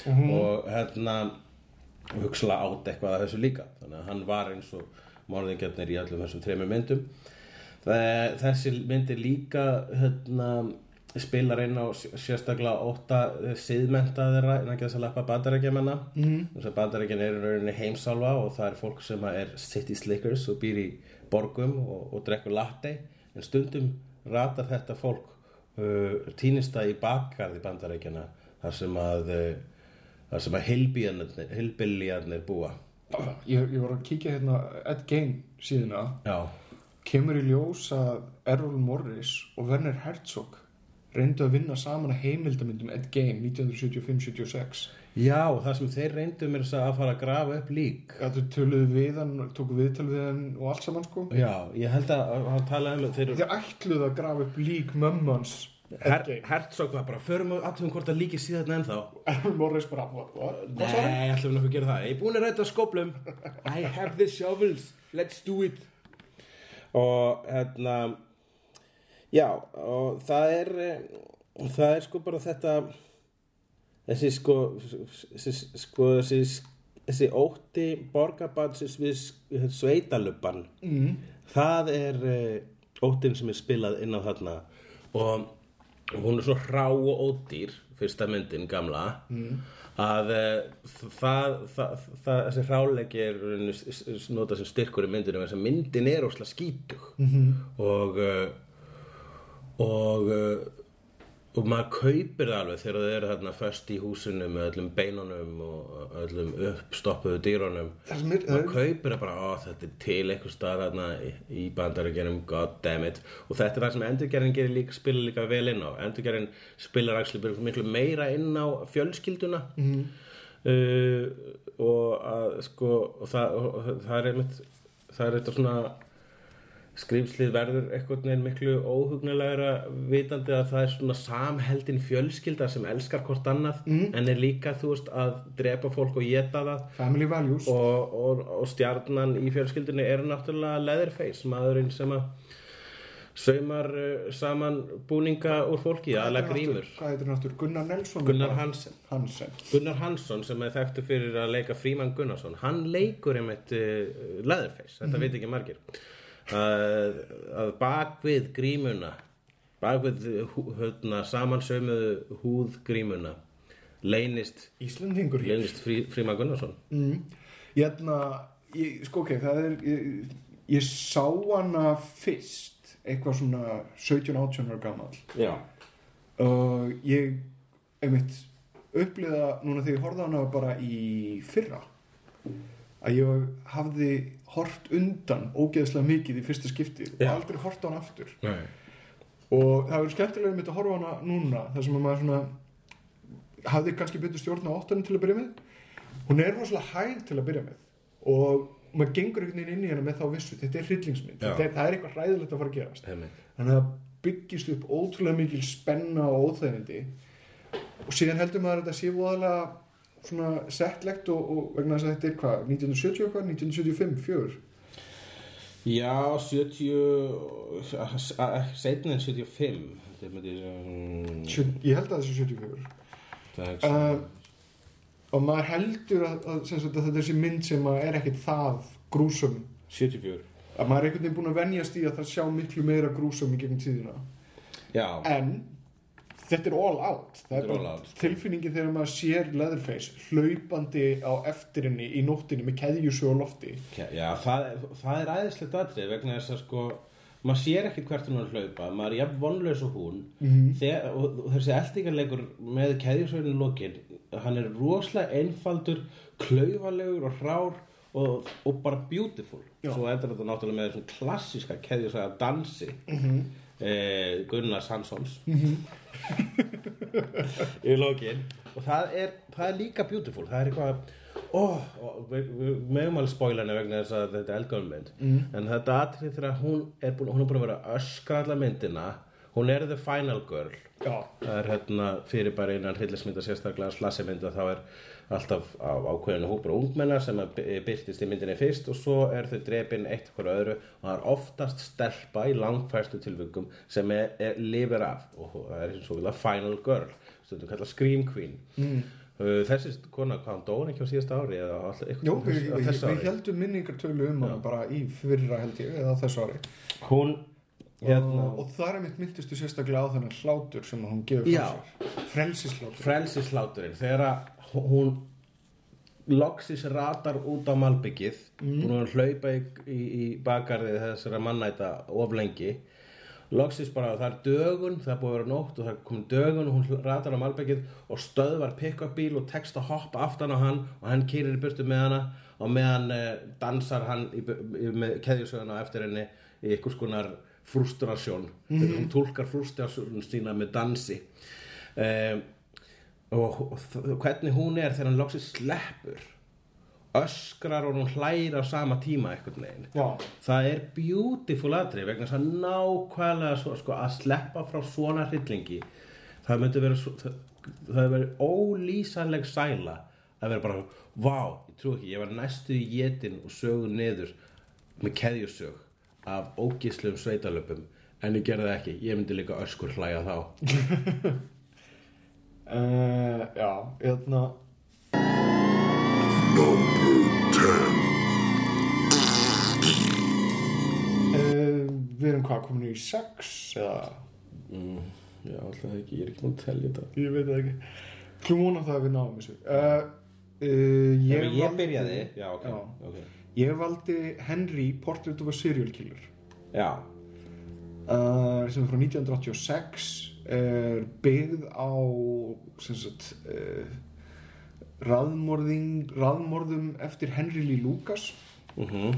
og er rosalega hrá gerð fyrir lítinn pening og uh, er með honum hérna Michael Rooker í aðaluturki Já, og þetta fjalla bara um tvo viðbjóðslega menn sem er að ferðast um bandaríkin og drepa. Já. og Þe- Þeir eru mikið, ekki mikið að ferðast um bandaríkjum, þeir eru alveg hérna í borg já, þeir, þeir, sko málið það ok, ég er kannski, mér er kannski mismunum vegna þess að Henry Lucas hann ferðast á milli fylgja og, sagt, og var raunverulega frekar stórtækur aðmorðingi samkvæmt frásögn. En þetta er í setni tíð þá hefur komið í ljós að það gæti vel hugsast að hann hafi bara verið að játa á sig hvert morðmála fættur öðru til þess að hreinsa upp katalógin hjá löggunum og til þess að fá ís og, og, og steik og svona í, í fangelsinu? Já, myndin er svona aðalega bundin við eina borg en hún gefur sterklega í skýn að þetta er eitthvað sem hann hefur gert áður og mun gera aftur. -hmm. og það eru, það eru eitt hryllilegast atrið sem ég nokkuð tíma séð sem- er home invasion einmitt tekið í gegnum svona videotökuvél og þau eru að horfa á þetta hópurinn. Já, og mjög kátir yfir því hvað, hvað þeim hafi tekist vel hann og vinur hans bara. Já, þannig ótis Já, ég sá þessi myndi fyrsta skipti okkur tóman síðast ári og uh, þetta þykir mér mjög óþægileg mynd sko. það er, það er ekki það er engin karakter í þessari mynd sem að er maður hefur einhver að samá með og já, jú, hún- sýstir hans ótis já, hún er algjör samt eitthvað hún, já, já, hún er svona saklaus en, en fórnalömbið þeirra já, já, ok. Er bara svona ekki lúði. Já, uh, eftir að meina að þú getur ekki búið virðingu fyrir henni eða eitthvað svo Nei, það var bara, þú veist, þetta var, þetta var bara svo óbúslega, þetta var svo skítur heimur, þetta var svo mikið white trash. Já, þetta var þetta svo er- mikið bara eitthvað svona, þú veist, annarkort verstu típur samfélagsins eða sorglegustu típur samfélagsins eða ég vil bara bæði. Mm -hmm. og, og það, það skildi vera svona ofbeldi í þessari litlu uh, óeinlegu fjölskyldu þarna. Það gera þetta ennþá svartara. Mér þátti mjög þægilegt að horfa á hana. Breytir því ekki að hann er ótrúlega sterk og ég skil vel á hann skildi hafa orðið klassisk uh, Þetta er sko, þetta er bara rúlandi ferðalag í hániðamirkur og við erum að tala um það að vasaljósi bílar sko strax á fyrstu Number 11. Ég ætla þá að segja eina góða mynd sem að Hú, Já, ég Þetta er svo erfitt. Ég veit það. Það er svo erfitt að ég get ekki, það er svo margar Ég get þetta ekki. Mm Ég veit. Haldt áfram hann. Jæja Til þess er þetta. Jú, allir það ekki Ég ætla að velja eina æðislega mynd sem að heitir uh, The Descent Mm, mm. uh, Var hún á þínu lista? Nei, nei, en hún er í vara. Já The Descent er uh, mynd eftir Neil Jordan Neil? Marshall. Neil Marshall, Neil Jordan er allt annað gaur sem að uh, hefur verið að leikstýra Game of Thrones þáttu núna en uh, hann gerir Dog Soldiers líka sem er frábær Já, Dog Soldiers gera hann undan þessari sem var mynd, varulega mynd þar sem að allir personarnir, allir personarnir voru kallmenn og svo Já. gera þessa hérna mynd sem er, uh, head, sem er hellaskoðenda mynd sem er allar personarnir eru konur sé frá sex konum sem fara að skoða helli. Eitthvað stóður út í raskati Uh, og tínast í kemum hellisins sem að hafa ekki verið kannaðir af mannfólki áður og þar búa óhugnulega verur. Myndin er súper einföld bæðir numbers nánast mm hryllingsmynd auðvitað vitandi að hvernig maður gengur þar að segja hryllingsmynd þá gengum maður þarna inn í hellin með þeim og veit að ein þeirra á eftir að deyja á fætur annari þeir, þeir í grunnatrun fara djúft í pitt og eru svona reyna að klóra sér leið út. Já, og uh, það er, þarf ekki að lýsa þessum sögutræðir eftir meira en það er bara hversu í einfallleika sínum, hversu beautiful uh, málverk þessi mynd er. Útlitslega hún nýtir myrkur, myrkur rosalega vel skrýmslin eru mjög vel hönnuð og, uh, það, og innilokana kendin er uh, rauninni helsti styrkur myndarinnar hvað varðar að skapa óta vegna þess að þú ert fastur í þessum helli með þeim. -hmm. og uh, eins og mjög oft þá á aðalpersonan sér sorgarsögu. Maður sér í upphafi myndarinnar þar sem hún missir bæði mann og barn. Þannig að hún Þetta er eitthvað sem er oft sér hillismyndum að alpersonan á eitthvað svona brotna fortíð mm. og eitthvað hluta vegna þá er það það sem gerir hana sterkari þegar kemur að hryllingnum. Já.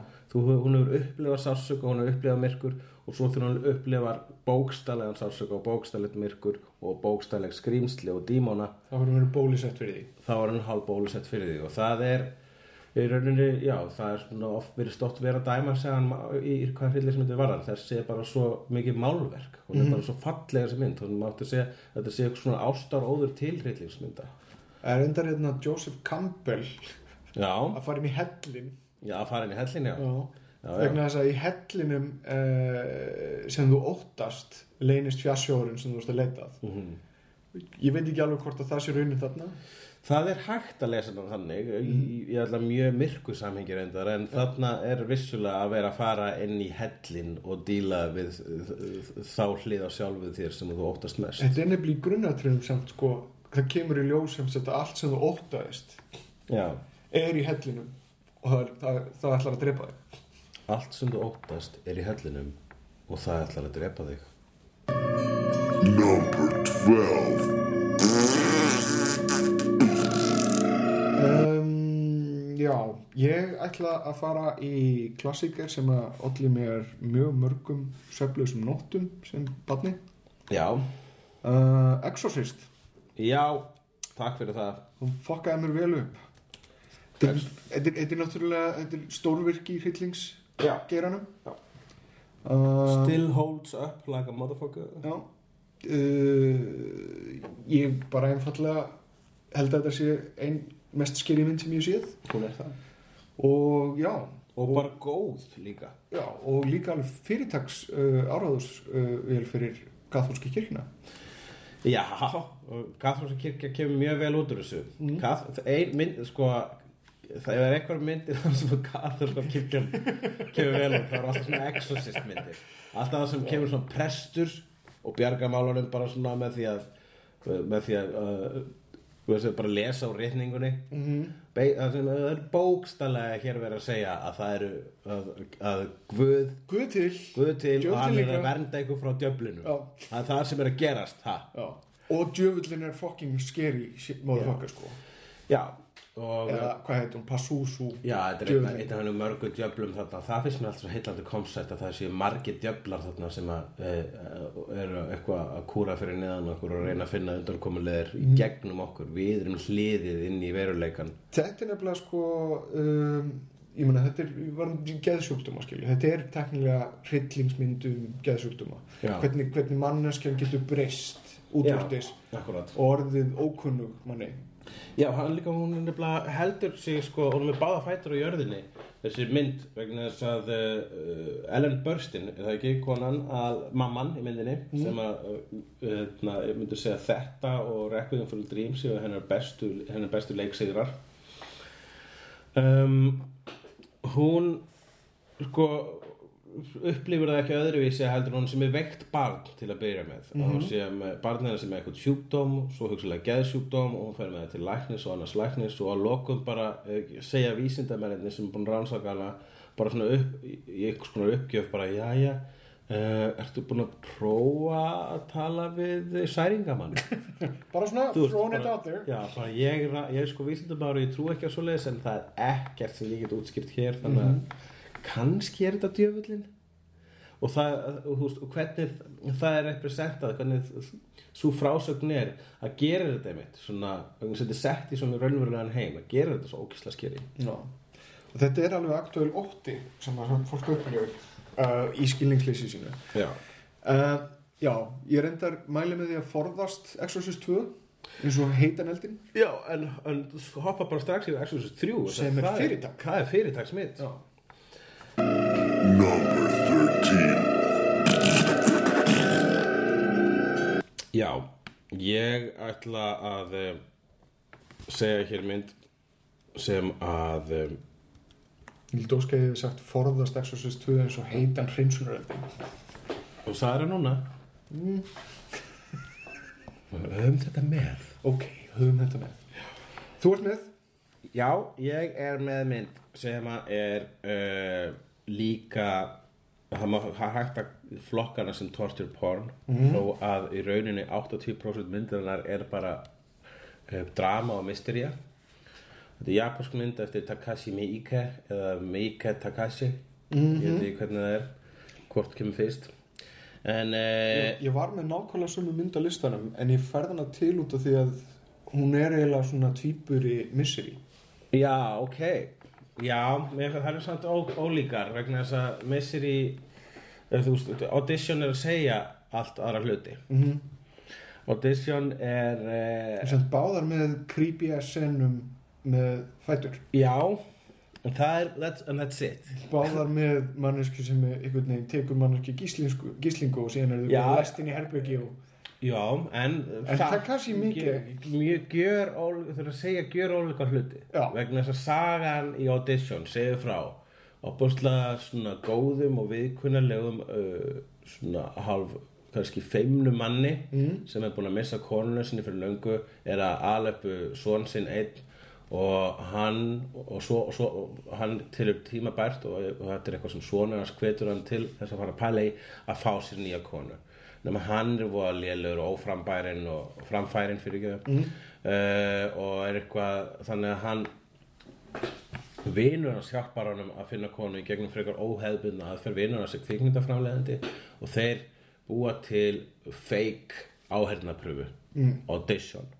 Þar sem þeir eru þykjast vera að fara að ráða einhverja uh, leikonu, helst óreinda leikonu í einhverja kvikmynd og þeir lýsaði bara svona, svona já, hún á að vera falleg og, og, og góð og settleg. Svona eins og hinn dæmi gera japanska húsmóður á að vera. Nú þannig að Það gegnum þetta gegn, gegn, gegnum þetta ferli þá finnur hann eina konu og uh, og hérna byrja bara að deyta hana. Uh, þessi kona er á yfirborðinu rosalega sæt og rosalega feimin. Mm. Og og viðist vera fullkomin maki fyrir hann nema það að hann smátt og smátt kemur í ljós að hún á sér vafa sama fortíð og er þarna jafnvel til að gera eitthvað annað heldur en að elska jafnvel hið andstæðina við slíkt vegna þess að hryllingurinn sem við upp- upplifum í lokin er eitt það ágislegasta sem að hefur sérst nú ég síndi þessa mynd yngunni vinkuna mína vinkuna minni, því síndi hann eitthvað tímann Þetta virðist vera eitthvað svona eh, gegnumgangandi þema hjá þig Já, ég ég fer mjög illa með vini mína sko. Sérstaklega það sem að Já, Aðalega vinkonur sá já það er alveg eitthvað vegna vinkonu sem að segjast aldrei alltaf horfa á hryllismyndir Já. Það er bara vegna að það er búið að ala það upp í kvenkinu og horfa ekki á svoleiðis blóð. Það er bara að horfa á hamingju og vera góðar. Mm. En Ég setti þessu mynd í tækið og sagði við einhverju Já, já, nei, nei, þetta er allt í lægmynd Þetta, hún er bara frekar létt. Bara lauga að þetta var í fílmynd Ó, djúsins liðri og svo þurfti hún að horfa upp á þetta og var mjög pyrrð út um mig. Setna mér þaknaði mér þetta fyrir vegna þess að ég hjálpaði til við að skapa ákveðin skrápjætt og hún gætt hort á alls konar stöf eftir það. Reyndar hitti hann að nýla og þá var hann búin að missa þann hæfileika þannig að ég held að maður fólk þarf að við Martins, Martins er næsta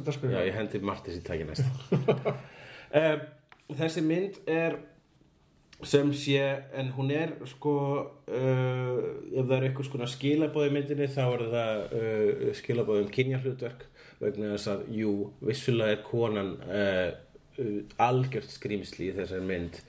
En hún, þessi kona er sköpuð af feðraveldinu. Hún varð til vegna þess að karlmenn fóru illa með hana. Já, og þessi maður eins vel og hann heldur hann meini þetta er maður sem að notaði legar til þess að finna sér konu velja sér konu eins og hann var að velja sér dúkku í búðaglugga já. Þannig að ég er ekki að segja að hann átti skilið það pyntingar sem hann fekk en það er pínu verið að segja það með Hendin og krípunum já. Uh, Number 14.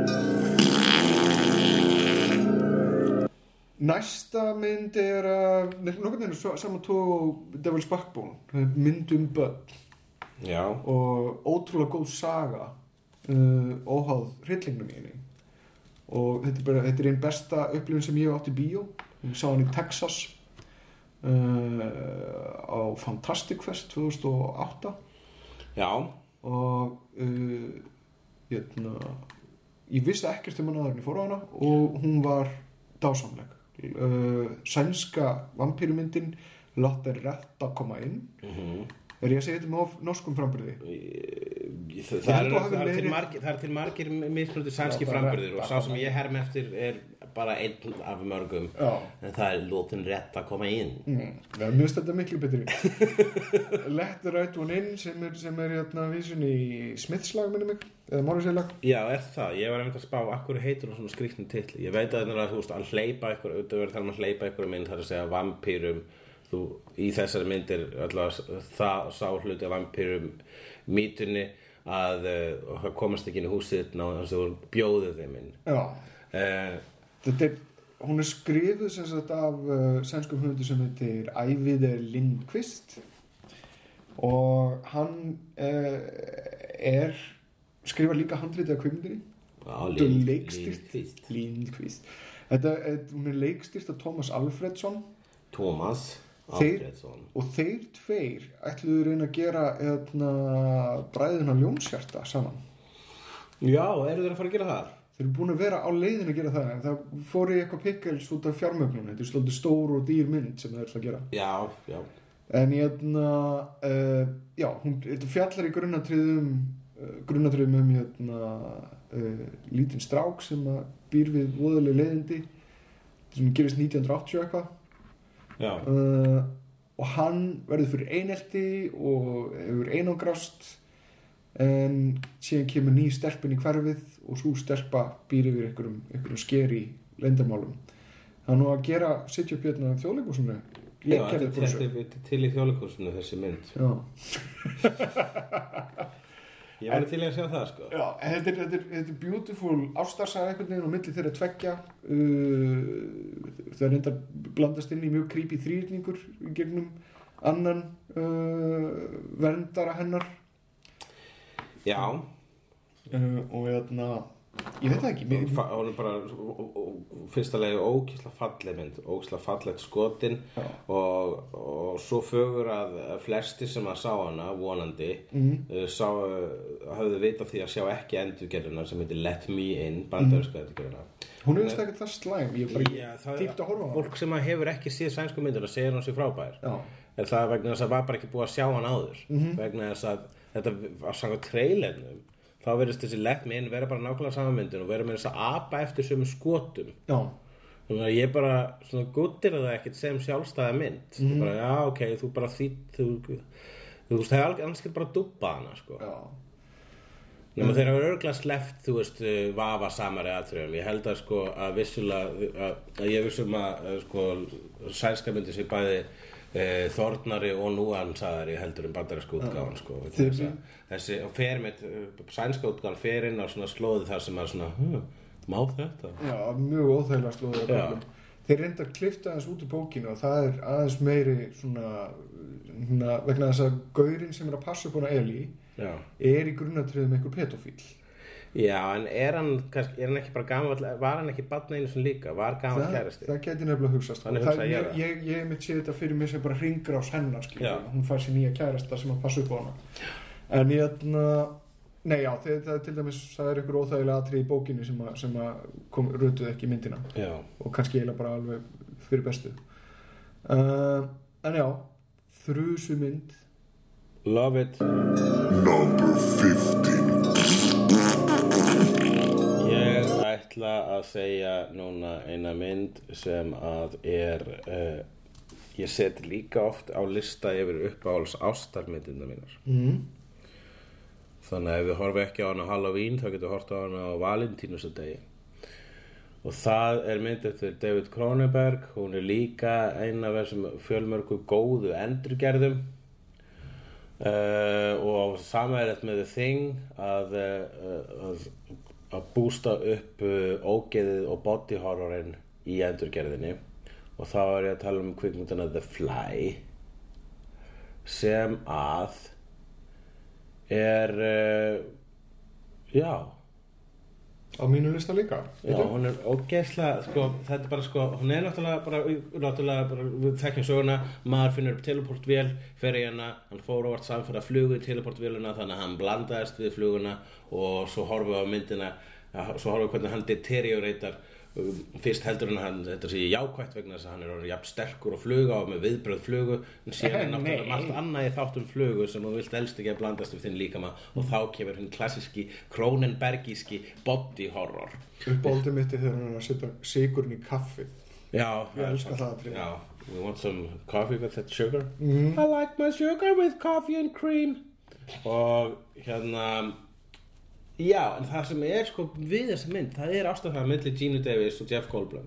Þau eiga bæði leiksögur þarna sérstaklega Jeff Goldblum uh, hérna stimplaði sinn sem einn af mínum uppáðs leikstjórum þegar ég sá þetta. Ég man líka, þetta er eitt af fyrstu myndunum sko, fyrstu bönnuðu myndunum sem ég fekk að sjá.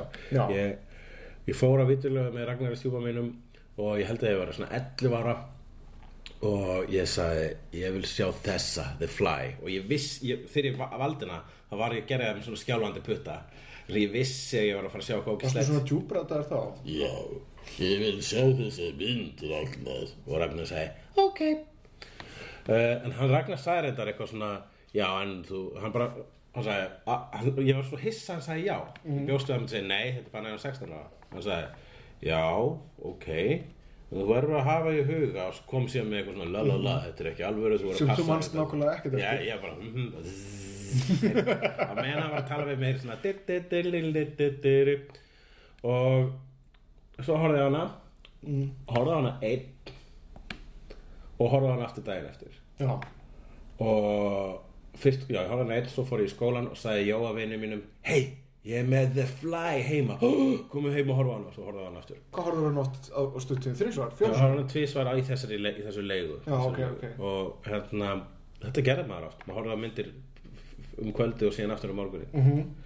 uh, og það er þessi ástarsaga vegna þess að það í lokin þá er hann orðin á svo mikill í flugu að það er beyond repair og hann er hann ógíslegur og hann er hann sorglegur og hún eh, er að hún heldur á haglabissu og hann hafandi bara nokkrum mómentum áður reynt að gera hana líka flugumannisku eða svona að hann vildi draga hana, hann vildi draga hana með í, í ógeðis og það getur verið saman að eilifu mm. og hún sjálfsögðu vill það ekki en, Skrítið. en hún hérna, heldur á haglabessu og hann er orðin svo umkunnaverður þarna að, önnur klóin hans tekur haglabessu hlaupið og beinir því að höfðið sér. Hann er að byggja um að láta drepa sig. -hmm. og meira svo á þeirri stundu þá á hún erfitt með að toga í gikkin því að þrátt fyrir að hann er valla manneski lengur þá getur hún valla drepið mannin sem hún elskar. Þetta er devastating atriði. Þetta er ógeðslega fallegt og ógeðslegt á sama tíma. Og uh, já, og ég hef lesið annars þar að bara að, og margir vilja meina að The Fly sé eina af sterkari ástarsögum hvítatjálsins síðar í tíma Já, ég held ekki alveg tekið undir það. Number 16. Uh, fyrst að við erum að tala um svona flíildi hérna, The Birds já, um, sko, hún er orðin svolítið svona töm að sjá einhvern veginn uh, með við aldur og annað slíkt. Já, það er ekki mikill horror í henni sko. Nei, en samt sko það er þú hann veist, atrið með augun. Já, en þessi, þetta er bara þessi skrýmsli Mhm. að fuglarnir sem eru allt í kring já, verði allt í hennu árásaraðilar og, og, og, og enginn er óhöldur þeir geta tekið flugvelar það er engum óhöld að fara út þetta er bara creepy shit Mér erst þetta að vera mín einu minn uppáhalds apokalyptik myndum, uppáhalds mm. heimsendamyndin mín eina af þeim Já. The, uh, the Birds uh, vegna þess að uh, þetta er svo absúrt úr, úr lausu lofti no pun intended, gripin hugmynd Mhm. að að láta fuglar að vera það sko Mér fi- það er er fall, þeir eru fallið um fjarska en þeir eru komin nála þá eru skítiður en hugmyndin er bara svo brilljant fyrst mér. Að þetta er svona að gera þið hverstaslega hennu, hennu mest hryllilega. Já. og já uh, aldrei treyst fuglum eftir þetta. Þú eru aldrei treyst fuglum eftir þetta? Nei. Síðan þegar ég komst síðan að því að þeir væru uh, afkomundur risaðurna þá bara finnst mér þetta fullkona eðlegt þeir þetta er bara þetta er ykkur morðingjar þeir eru með svo dauð augu nefnilega. Mm. það er eitthvað dautt í augunum þeirra. Já, ég hugsaði að svipa um seli. Já, Nei, selir eru með fallega augu. Ég var að hugsa um Hvað eitthvað er það, annað. um Kanínur. Kanínur, já. Já, þeir eru, Kan- þetta meina rauð augun. Já, hvítu kanínur með rauð augun. Þetta, þessar kanínur eru evil. Hvað hétt aftur kanínu myndin hann Svo voru kanínur vondar? Já, Uh, er það að tala um uh, Watership Down eða? nei Night of the Lepus Night of the, Le já, já, já, Night of the Leper. Já, Night of the Lepus Lepus, já, Lepus er uh, hvað gríska stjórnumerkið yfir héran. Já, þetta var líka þekkt bara sem Rabbits. Já, Night of the Lepus á, já, D.O.D. er þetta lána í einhverjum manna sem er ekki búin að skilja henni en uh, það er alltaf leið uh, Hún er, sú mynd er ógísla fyndin. The Birds with Rabbits. Já, og nema það að svo myndir að gera sitt besta til að taka sjálf og sig alvarlega og kanirnar eru risastóra þarna, það er svo fallið þegar kanirnar hlaupa ekki um sveitabæin og sveitabæin er augljóslega mótel það er bara að láta ykkur kaninur eða hér að réttar að sagt hlaupa þarna yfir. Og uh, það er eina af þessum vondu myndum sem eru svo vondar að þær eru góðar. Ég mæli eindreið með Night of the Lepus. Og gísla fyndin Ég ætla reyndar að henda einu í viðbóti sem átti The Birds. Já. og ég held að það, að, það er það sem að gerir svolítið myndinu fyrir mig. Já, það er rosalega mikil þögn í henni. Já, sem býr til svona einhvern veginn eftirvæntinguna og sálastriðið og erfiðleikana við þetta. Já, það er eiginlega næstu því engin tónlist sem ég man eftir um sér nú ykkur það er aðalega bara þessi yfirvofandi árás í þögninni. Það er það sem að trekkir upp alla spennu og óþægindi. Já uh, Það er alveg rétt og líka sko bara endirinn þar sem að sko þau keira burtu með, og fuglarnir eru allar í einhverju kvildarstöðu þau bara gera ekki neitt. Mm. það er eitthvað super íra yfir það. Maður er bara svona, ok, byrju, er, er þetta búið? Eða er þetta bara byrjunin? Mm en þetta er ekki búið hjá okkur, við hefum eftir nokkra myndir og það er bara byrjunin. Við hefum eftir tvær myndir reyndar tvær myndir á kjátt þú átt eina og ég á eina. Ha? já, Nei ég held það alveg örgulega Ég ja, var að klára The Fly ég á eftir tvær samkvæmt mínu. Er tvær? Já. má sé það Number 17. þá átt þú næstu. Eða hvað? Þú varst að tala um Birds. Ég var að tala um börn, já, þannig að þú ert næstu. Já, hvað ætti ég nú að segja? Það er nú erfitt já, Þetta er eins og núna er svo mikið eftir, svo lítið eftir og erfitt er að velja Mhm. En uh, ef við ætlum að tala um uh, uppada, uppadals, uppadals þá er uh, er og, og koma inn nokkrum klassíkum hérna þá ætla ég að se- segja hérna uh, kvikmynd sem að er, er, fyrirmyndin að heilum flokki kvikmynda mm. rauninni þó hún sé hún er besta, fyrsta lagi eiginlega besta framhald sem við nokkuð hefur gert. Það er uh, Dawn of the Dead eftir Romero. Dawn of the Dead uh, og rauninni sko með Night of the Living Dead þá breytti uh, Romero zombie, mítunni fram að því var zombie eitthvað sem var skapað í vestur Indíum helst af eitthvað sko nekromanser og, voru rauninni bara þrælar galdrakalls en uh, hann uh, Romero bjóð til nýja veitu það sem að zombiur eru einfallega næ, næstu einhvers konar sjúkdómur -hmm. það er að segja bara smit, smitsjúkdómur og sem breytir þér í heilalösa mannætu og uh, sem að og, og, jú, jú, það var stert í fyrstu myndinni uh, og þar í nættulegin þetta og þar var ádela það var ádelan um, já, þarna sérstaklega í tvistinu undir lokin að uh, hérna, grimd mannsins og, og, og kynþáttafordamar mm. En uh, í annari myndinni fór hún, þá stemplaði hún þessi í, í þessari myndlíkingu að zombían er náttúrulega ekkert annað heldur en við. Já. og þá umhverfið er verslunarmiðstöð og fle- mest öll myndin gerist í verslunarmiðstöð þar sem við horfum á uppvakninga vafra um gangana og skoðandi í búðaglika að e, þá varð e, ádeilan eða vísunin í okkur óumdeilanleg. Síðan þá hefur þetta verið mjög mikið endurtekið í öðrum zombíu myndum að minnstakosti var sama þessi gerð af zombíunni notuð, notuð ótalsinum aftur í setna, setna skipti og ádilan hefur samt komið sjálfnar jafn skýrt fram á í Shaun of the Dead og í Dead Set eftir hann Charlie Brooker sjóastættirnir þar sem að, að uh, heilaleysi zombíunar endur speglast í heilaleysi áhorfanda uh, veruleika þáttar Mhm. Uh, en Dawn of the Dead ekkert að þess að hefði geta gæst eða ekki fyrir of the Dead og auk þess þá er hún bara svo ógeðslega góð. Mhm. Uh, karakterin er skemmtilegir uh, hún er fallega skotin, hún er fyndin og hún er óhugnaleg og sterk mynd. Og við, ég hef mjög mi- mikið haldið á lofti endurgerðin á Dawn of the Dead og, og sem er einu mínum upp á endurgerðum ég verð þó að við kenna að síðast þegar ég horfði á hana það var það greinilega einu skiptu of oft vegna þess að hún er búin að dett um nokkur sæti Dawn of the Dead endurgerðin hans Zack Snyder. Þrátt fyrir að það er með eitt bestu upphafsadriðum allra tíma. Briljant að Brilliant, það allt sem gerist á undan upphafstöfunum er æðislegt kannski kemur hann aftur eftir smá tíma kannski kemur hann aftur en hérna, Dawn of the Dead e, sá ég síðast alveg fyrir svolítið síðan bara í, í, sem það var opnur mynd svartra sunnudag þegar það byrjaði. Mhm. og, og hún er bara fullkomin. Já, snildar mynd. Number 18.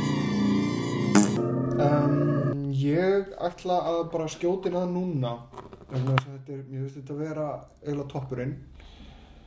Og það er The Shining eftir Stanley Kubrick. Ok, byggðið á, á, á skáldsögu Stephen King. Ég, þetta er eina af þessum myndum sem einhvern veginn allir verða að sjá og allir hafa séð. Eða þú veist ef þið hafa ekki séð hann þá ættu þeir að sjá hann. Um, um hann Jack Torrance í, og fjölskyldu hans í The Overlook Hotel. þriðja Stephen King myndin á listanum. Ég veit það. Hann er áhrifamikill maðurinn. Mhm. En jæna uh, þetta, þetta er samt eiginlega ekki Stephen King mynd þetta er ekki Stephen King mynd Stephen King hattar þessa mynd þetta, er, það þetta er Stanley Kubrick að gera horror og hann Já. gerir horror á þann hátt að þetta hefur varalega áhrif á það hvernig horror er gerður eftir það Þetta er svona, eh, þú veist, eh, á það semjöld með Blade Runner að, að bara algjörlega nota uh, nota upprunnulega efnið bara sem mjög lauslega vísun í það sem maður ætlar Mhm. að gera, sko. Og já, The Shining er besta hryllingsmynd allra tíma. Hún er það bara. Já. Og ég, þú veist, hún er, hún er, hún, ha, hún spilar á, á mann á, í- eins og fyrirlu eins og Fiðlu og Stanley Kubrick var vist búin að mjög mikið stúdera svona falinskilaba svona subliminal messages mm og, og samkvæmt því sem maður hefur lesið og séð í henni frábæru heimildamynd Room 237 þá er, þá er, þá er myndin uppfull af litlum mindfokkum Já, frá, frá Stanley Kubrick. Það er allt morandi mindfokki Allt. Það er alltaf, veist, þessi óþægunda tilfinning. Það er eitthvað að, það er eitthvað, eitthvað sem passar ekki.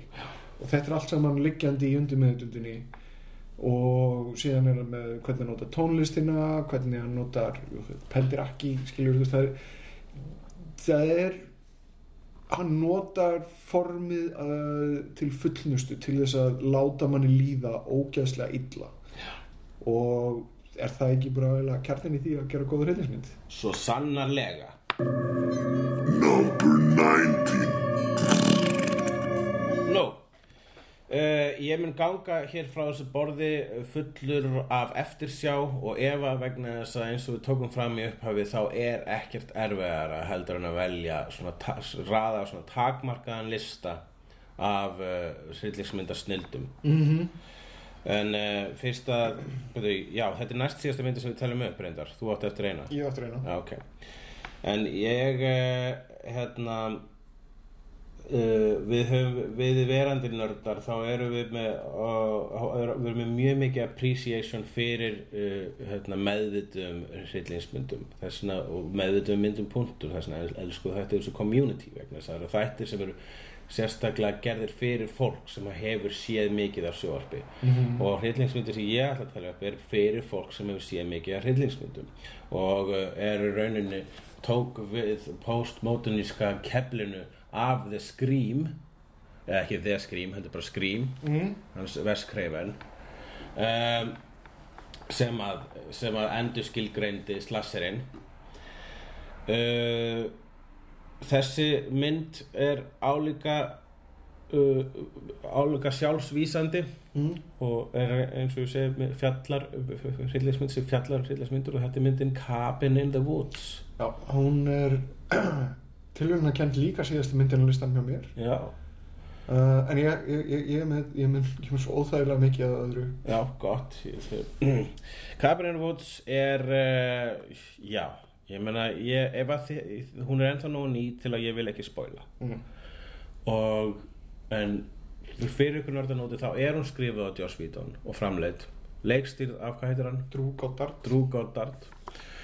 Og uh, og Cabin in the Woods er bara einfallega vísun í allar þessar Cabin in the Woods myndir sem maður hefur séð. Evil Dead uh, ka, hvað heitir hún? Cabin Fever Já. og svo margar aðrar sko. og það er, það, er, það er já, bara rauninni er hægt að segja Allar hræklingsmyndir allra tíma. Hún er, hún er einhvern veginn já, nær öllum. Hún samunar þetta allt saman sérstaklega þegar nær dregur uh, endanum og í- eins og skrím þá uh, gerur hann grína af stereotypum ungmennin sem við kynnumst þarna í upphafi myndarinnar og við fylgjum eftir eru falla í skorður stereotypiskra kvikmynda karaktera það er ein uh, lauslát það er ein nörd það er ein hassus, það er ein jock og það er ein hrein mei og þetta síðan reynist vera líkil atriði í myndinni og Já. Það sem ég veist nefnilega snild við þetta er að hún næri að vera klefver, hún næri að vera fyndin en hún gefur engan afslátt á horrorum gerir einhver afslut á horrornum en ég, þetta er samt mynd sem getur hort á með fólki sem að uh, meikar ekki horrormyndur eins og hún er ekki Audition eða Martyrs eða, eða, eða Exorcist eða hún, er, hún, hún, hún ferð ekki lappar ekki út af henni sjokkuraður uh, vegna þess að síðasta hlutin The Third Act er svo rewarding þú veist, vegna þess að í í akt 1 og 2 þá ertu bara, ok, ég held ég skilji hvað er að gerast.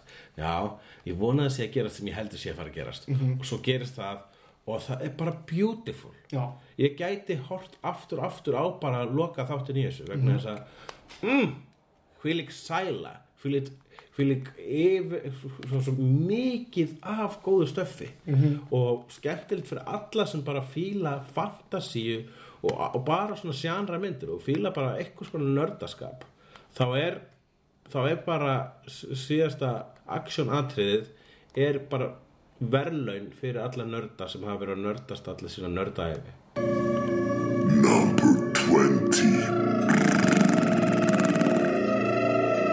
síðasta myndin. Hérna það er svo margar svo margar sem eru ekki að komast inn. Já, já. uh, ég ætla að fara í game horror. Klassíker Ah, þú ert að tala um Ég veit hvað er að tala um. Extro. Nei, Ah, þú ert að tala um hérna uh, Mac and Me. Nei, nei Ah, þú ert að tala um Critters. Já, nei. Uh,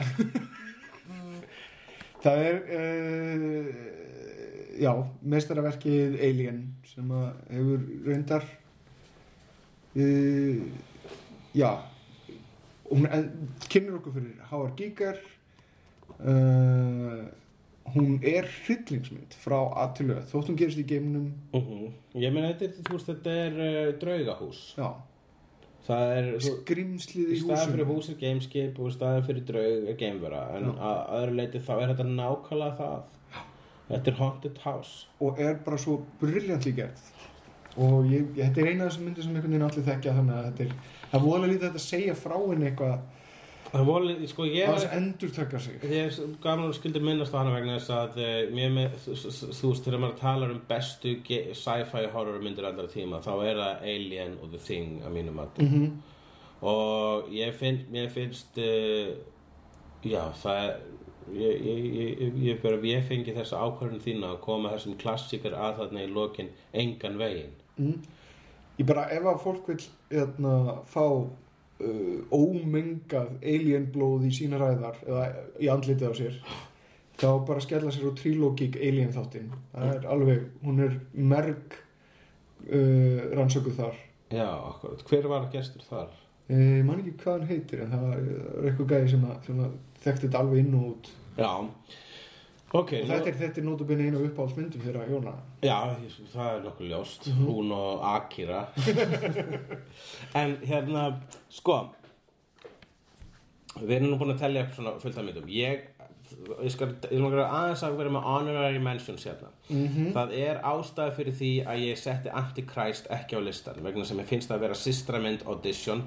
Í rauninni að þú vilt fá hérna uh, uh, huglæga trilogíu um bræði kvenna þá skulum við horfa á Antichrist, Audition og Possession sem eru dásalega myndir allar, tíman Possession rataði næstu í einu lista minn hún er æðisleg. Uh, ég, og, og, og hvers vegna er Halloween ekki á listanum? Hvers vegna er Friday the 13th ekki á listanum? Hvers vegna er A Nightmare on Elm Street ekki á ég veit alveg listanum? hvers vegna Friday the 13th er ekki á listanum. Hún er ekki það góð bara fína, flott bræður á trilógin já, um, og gott er reynda þegar Kevin Bacon er drifin í henni. Mm. Babadook hefði getað komið á, inn á listan en ég bara valdi á milli hennar og eitt follows sem nýlegar uh, í, í nýju bylgju hryllismynda og þá er eitt follows aðeins betra að mínu mati. Carrie. Carrie, Evil, Wine. Evil Dead og Evil Dead endurgerni sérstaklega.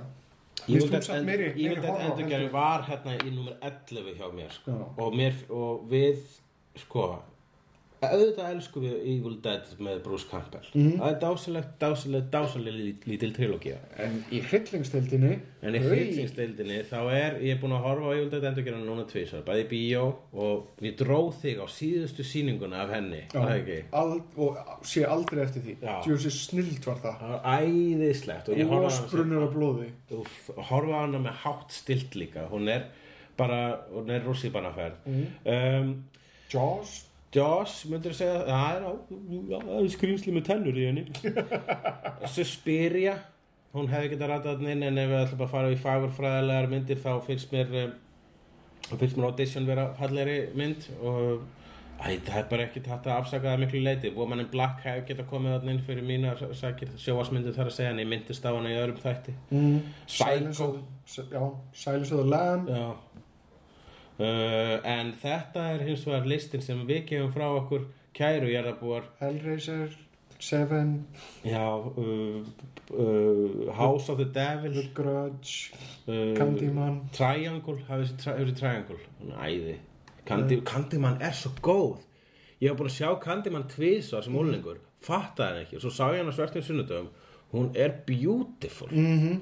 Ó, Candyman, hún hefði látt að rata þetta inn. Mm, Má ekki setja hana bara í staðan fyrir Justice verðlun voru braindead á, á, á, á hefnendabíókvöldi Braindead var æðislegt Búin að gleyma því hvað hann var frábær. Ég hef búin að gleyma hvað hann var frábær. Mhm. The Ring. Já. Æ, hvað getur við maður gert? Ég mælum alltaf með að, hérna, að þið, þið, ef þið hefði ekki séð eitthvað af þessum myndum þá er alltaf hérna, komið eitthvað til að glápa á á rekkjaböku Ógnar fjör má alltaf sjá. Í Reykjavík.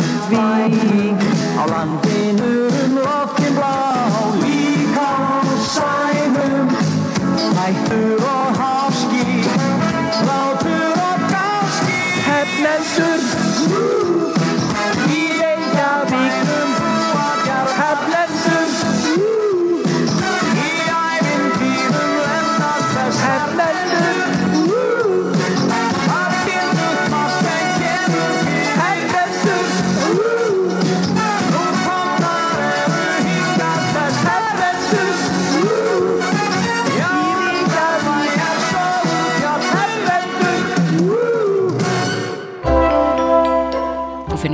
fleiri skemmtilega alvarpstætti á nútímin.is.